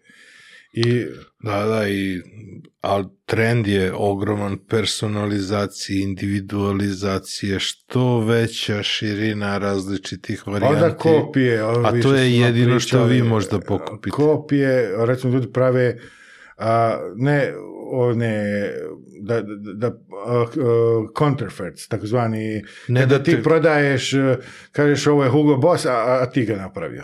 To je, mislim, kriminal. To je, to je kriminal. Da. Ali kao hoće ti napravim najsličnije tome, ko što moja Keo... Ja, ovo je kao Hugo Boss, ali je jači i bolji. Mm. A miriš je ko Hugo Boss i, i, košta pet puta manje. Ali skroz ok, kaže, evo ja sam probao da I, napravim nešto najpribližnije. I, može biti čak i istina. Mm. Mi imamo tu malo dilemu, a šta da uradimo? Mi smo iz početka bili kategorični, nismo htjeli da dodajemo uopšte takve brendove koji su radili na to. I došla se jedna situacija, ali to ti je život natira na to. Do, napisala Pismo jedna članica je rekla da je ona koristi taj i taj parfem i, na svadbi je svojoj, naš nosila ga i hoće da napiše review, znaš, i hoće da, znaš, i tako to.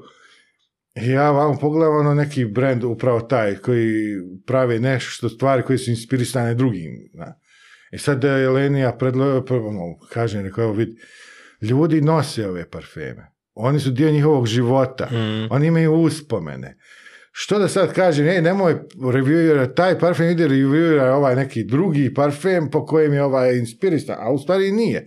To je i drugčiji parfem, nikad nije isto. Možda oni marketinški i, tvrde da je isto, ali nikad nije isto. Znači, i, i, i, naravno, oni bi bili tuženi i razne drugi problemi bi bili, da je to u stvari isto, a nije isto. I onaj, tako da smo dozvolili, ne kažem dozvolili, napravili smo taj precedent i rekli smo što ljudi nose, to treba da se doda i da oni kažu što je, kako je, znaš, ako mi uvijek služimo svima i tako da je to neki ljudi koji su malo snobovi, onda recimo ovaj community naš, šta ste to počeli smeće dobdavati, pošto imaju uvijek oni parfumski mm. snobovi, I onda smo mi tako malo a, rekli da e, se moraju služiti svi. Znači, mm. znači svim kojima je, je to potrebno, a o, recimo, ako imaju pravni dispute među ovim kompanijama, on će to da riješi na sudu. Oni imaju svoje kanale i to neko oni rješavaju. Ovo narod nosi, to treba da se pišu review. I to je, to nas služi dobro. I sve odluke koje donosimo Oh, u tome eh, orijentisane su upravo kroz prizmu eh, ljudi i šta, su njihove potrebe.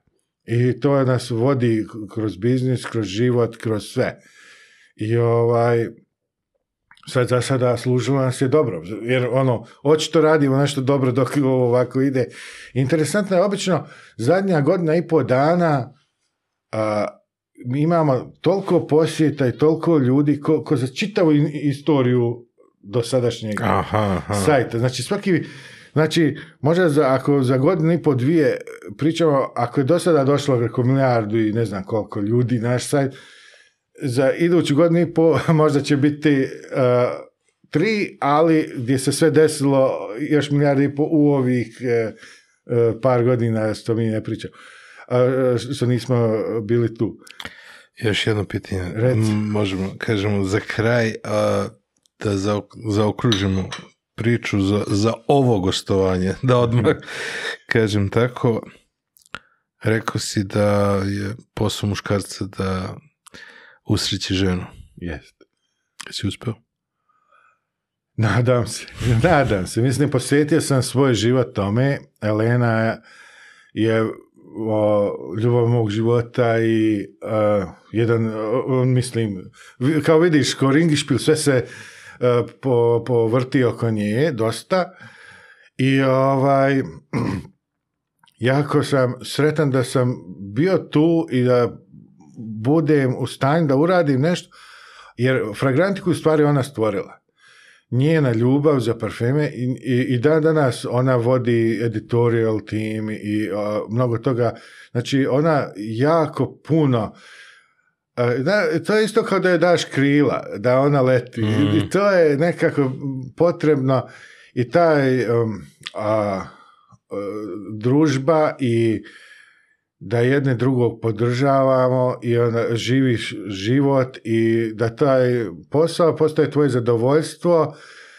Ma, pare nikad nisu bili motivator, isto kao što smo krenuli brand, poslije smo mi kupili kuću i sve je to došlo. Ali uvijek smo radili stvari iz nekih strasti, iz nekog što mi volimo i što želimo, a, manje smo gledali na...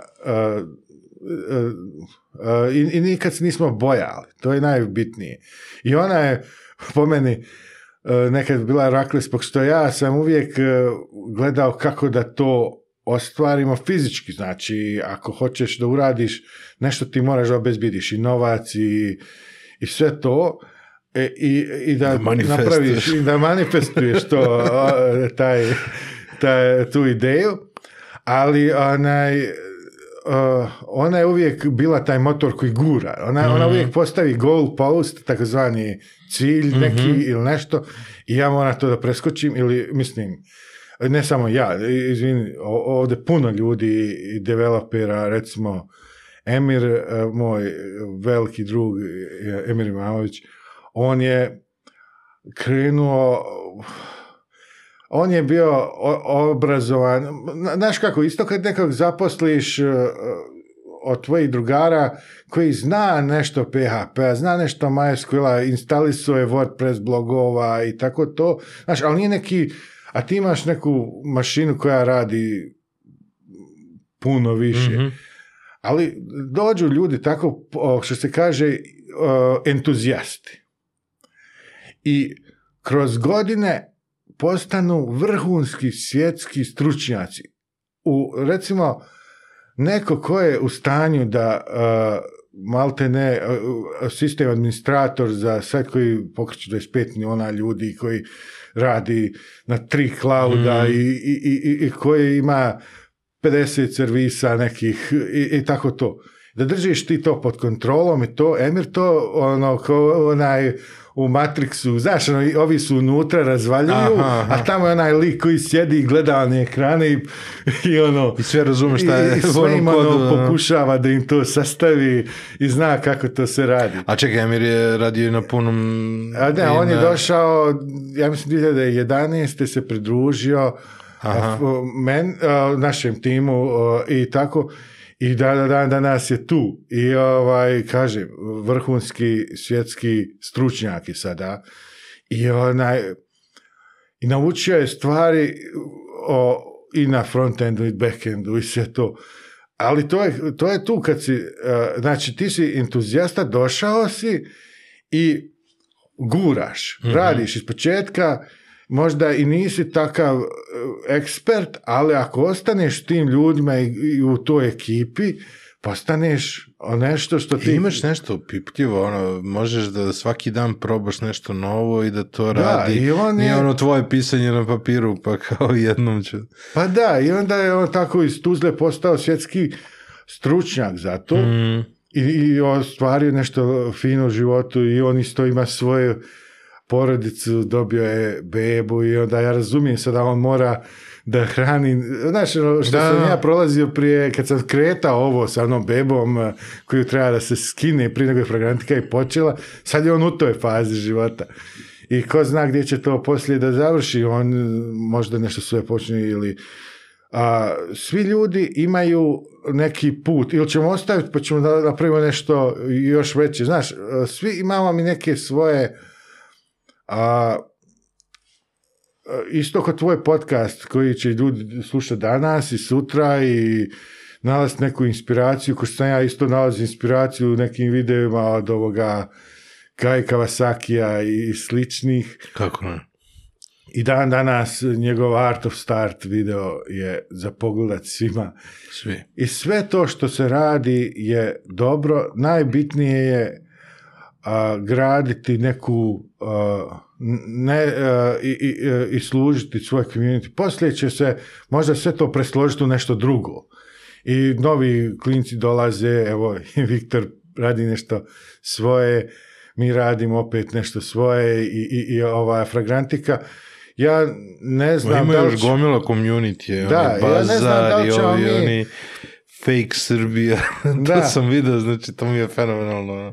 Grupa gdje ono postoješ kao da li je fake ili nije. Da, jer mi o, vidjet ćemo, šta ćemo, mi ne želimo da prodamo. Kako vidiš sada ovaj, srpsko tržište kad pogledaš iz Znaš ovog sad ugla da... Iskreno ti kažem, ovo je predivna zemlja. Jako je... Odnosno, ne više srpsko nego regionalno. Regionalno, ali inače i regija i inače ovo je jako plodna, lako, jako lijepa zemlja, super je klima. A, nažalost, ti ratovi koji su prošli tu istoriju koju imamo, mislim, to je ovdje je tako dobro da se ljudi biju oko toga, mislim, razumije. Jedna od najljepših podnevlja i, i, i, i ljudi. I ja vam kažem, jako mnogo toga samo treba da se organizujemo trebamo da stvorimo svoje stvari i realizujemo ih i da cijenimo i poštujemo i sve će biti dobro. Slažem se, izvini što se smijem, ali smijem se što tako jednostavno zvuči, a toliko nam deluje komplikovano, znaš. Da, mi smo... Najtužnije što više od 20, 20 godina prošlo i nikako da se organizujemo upravo to. Mi smo došli iz nekog, pošli u Ameriku iz tog nekog američkog sna. Da dođemo, da ostvarimo nešto i tamo vamo. I onda smo na kraju shvatili, dobro, nama je život tamo prelijep i došli smo, podigli smo firmu i, i uradili smo sve to što smo uradili, živimo sad u Kaliforniji i lijepo nam je. Ali mogli smo tu da budemo bilo gdje. Mm. I ovo je, što kaže, dobili smo zeleni karton koji nam nije ni trebao za posao koji je uspio, a, uopšte ne zavisi od Amerike što je uspio. Mislim, zavisi od tog tržišta i sveg tog e, internetu pokreta, mi smo samo jedan e, mali dio mnogo većeg e, e, slike koja se oko nas. Mi mm. smo došli na tom talasu ove, interneta i informatizacije društva i mi smo donijeli parfeme u 21. vijek. da stvorili smo platformu za ljude da mogu da pričaju o parfemima i da e, izraze se i da nauče i i da stvore nove parfeme. Mnogi parfeme su nastali zbog fragrantike i tako. Znači,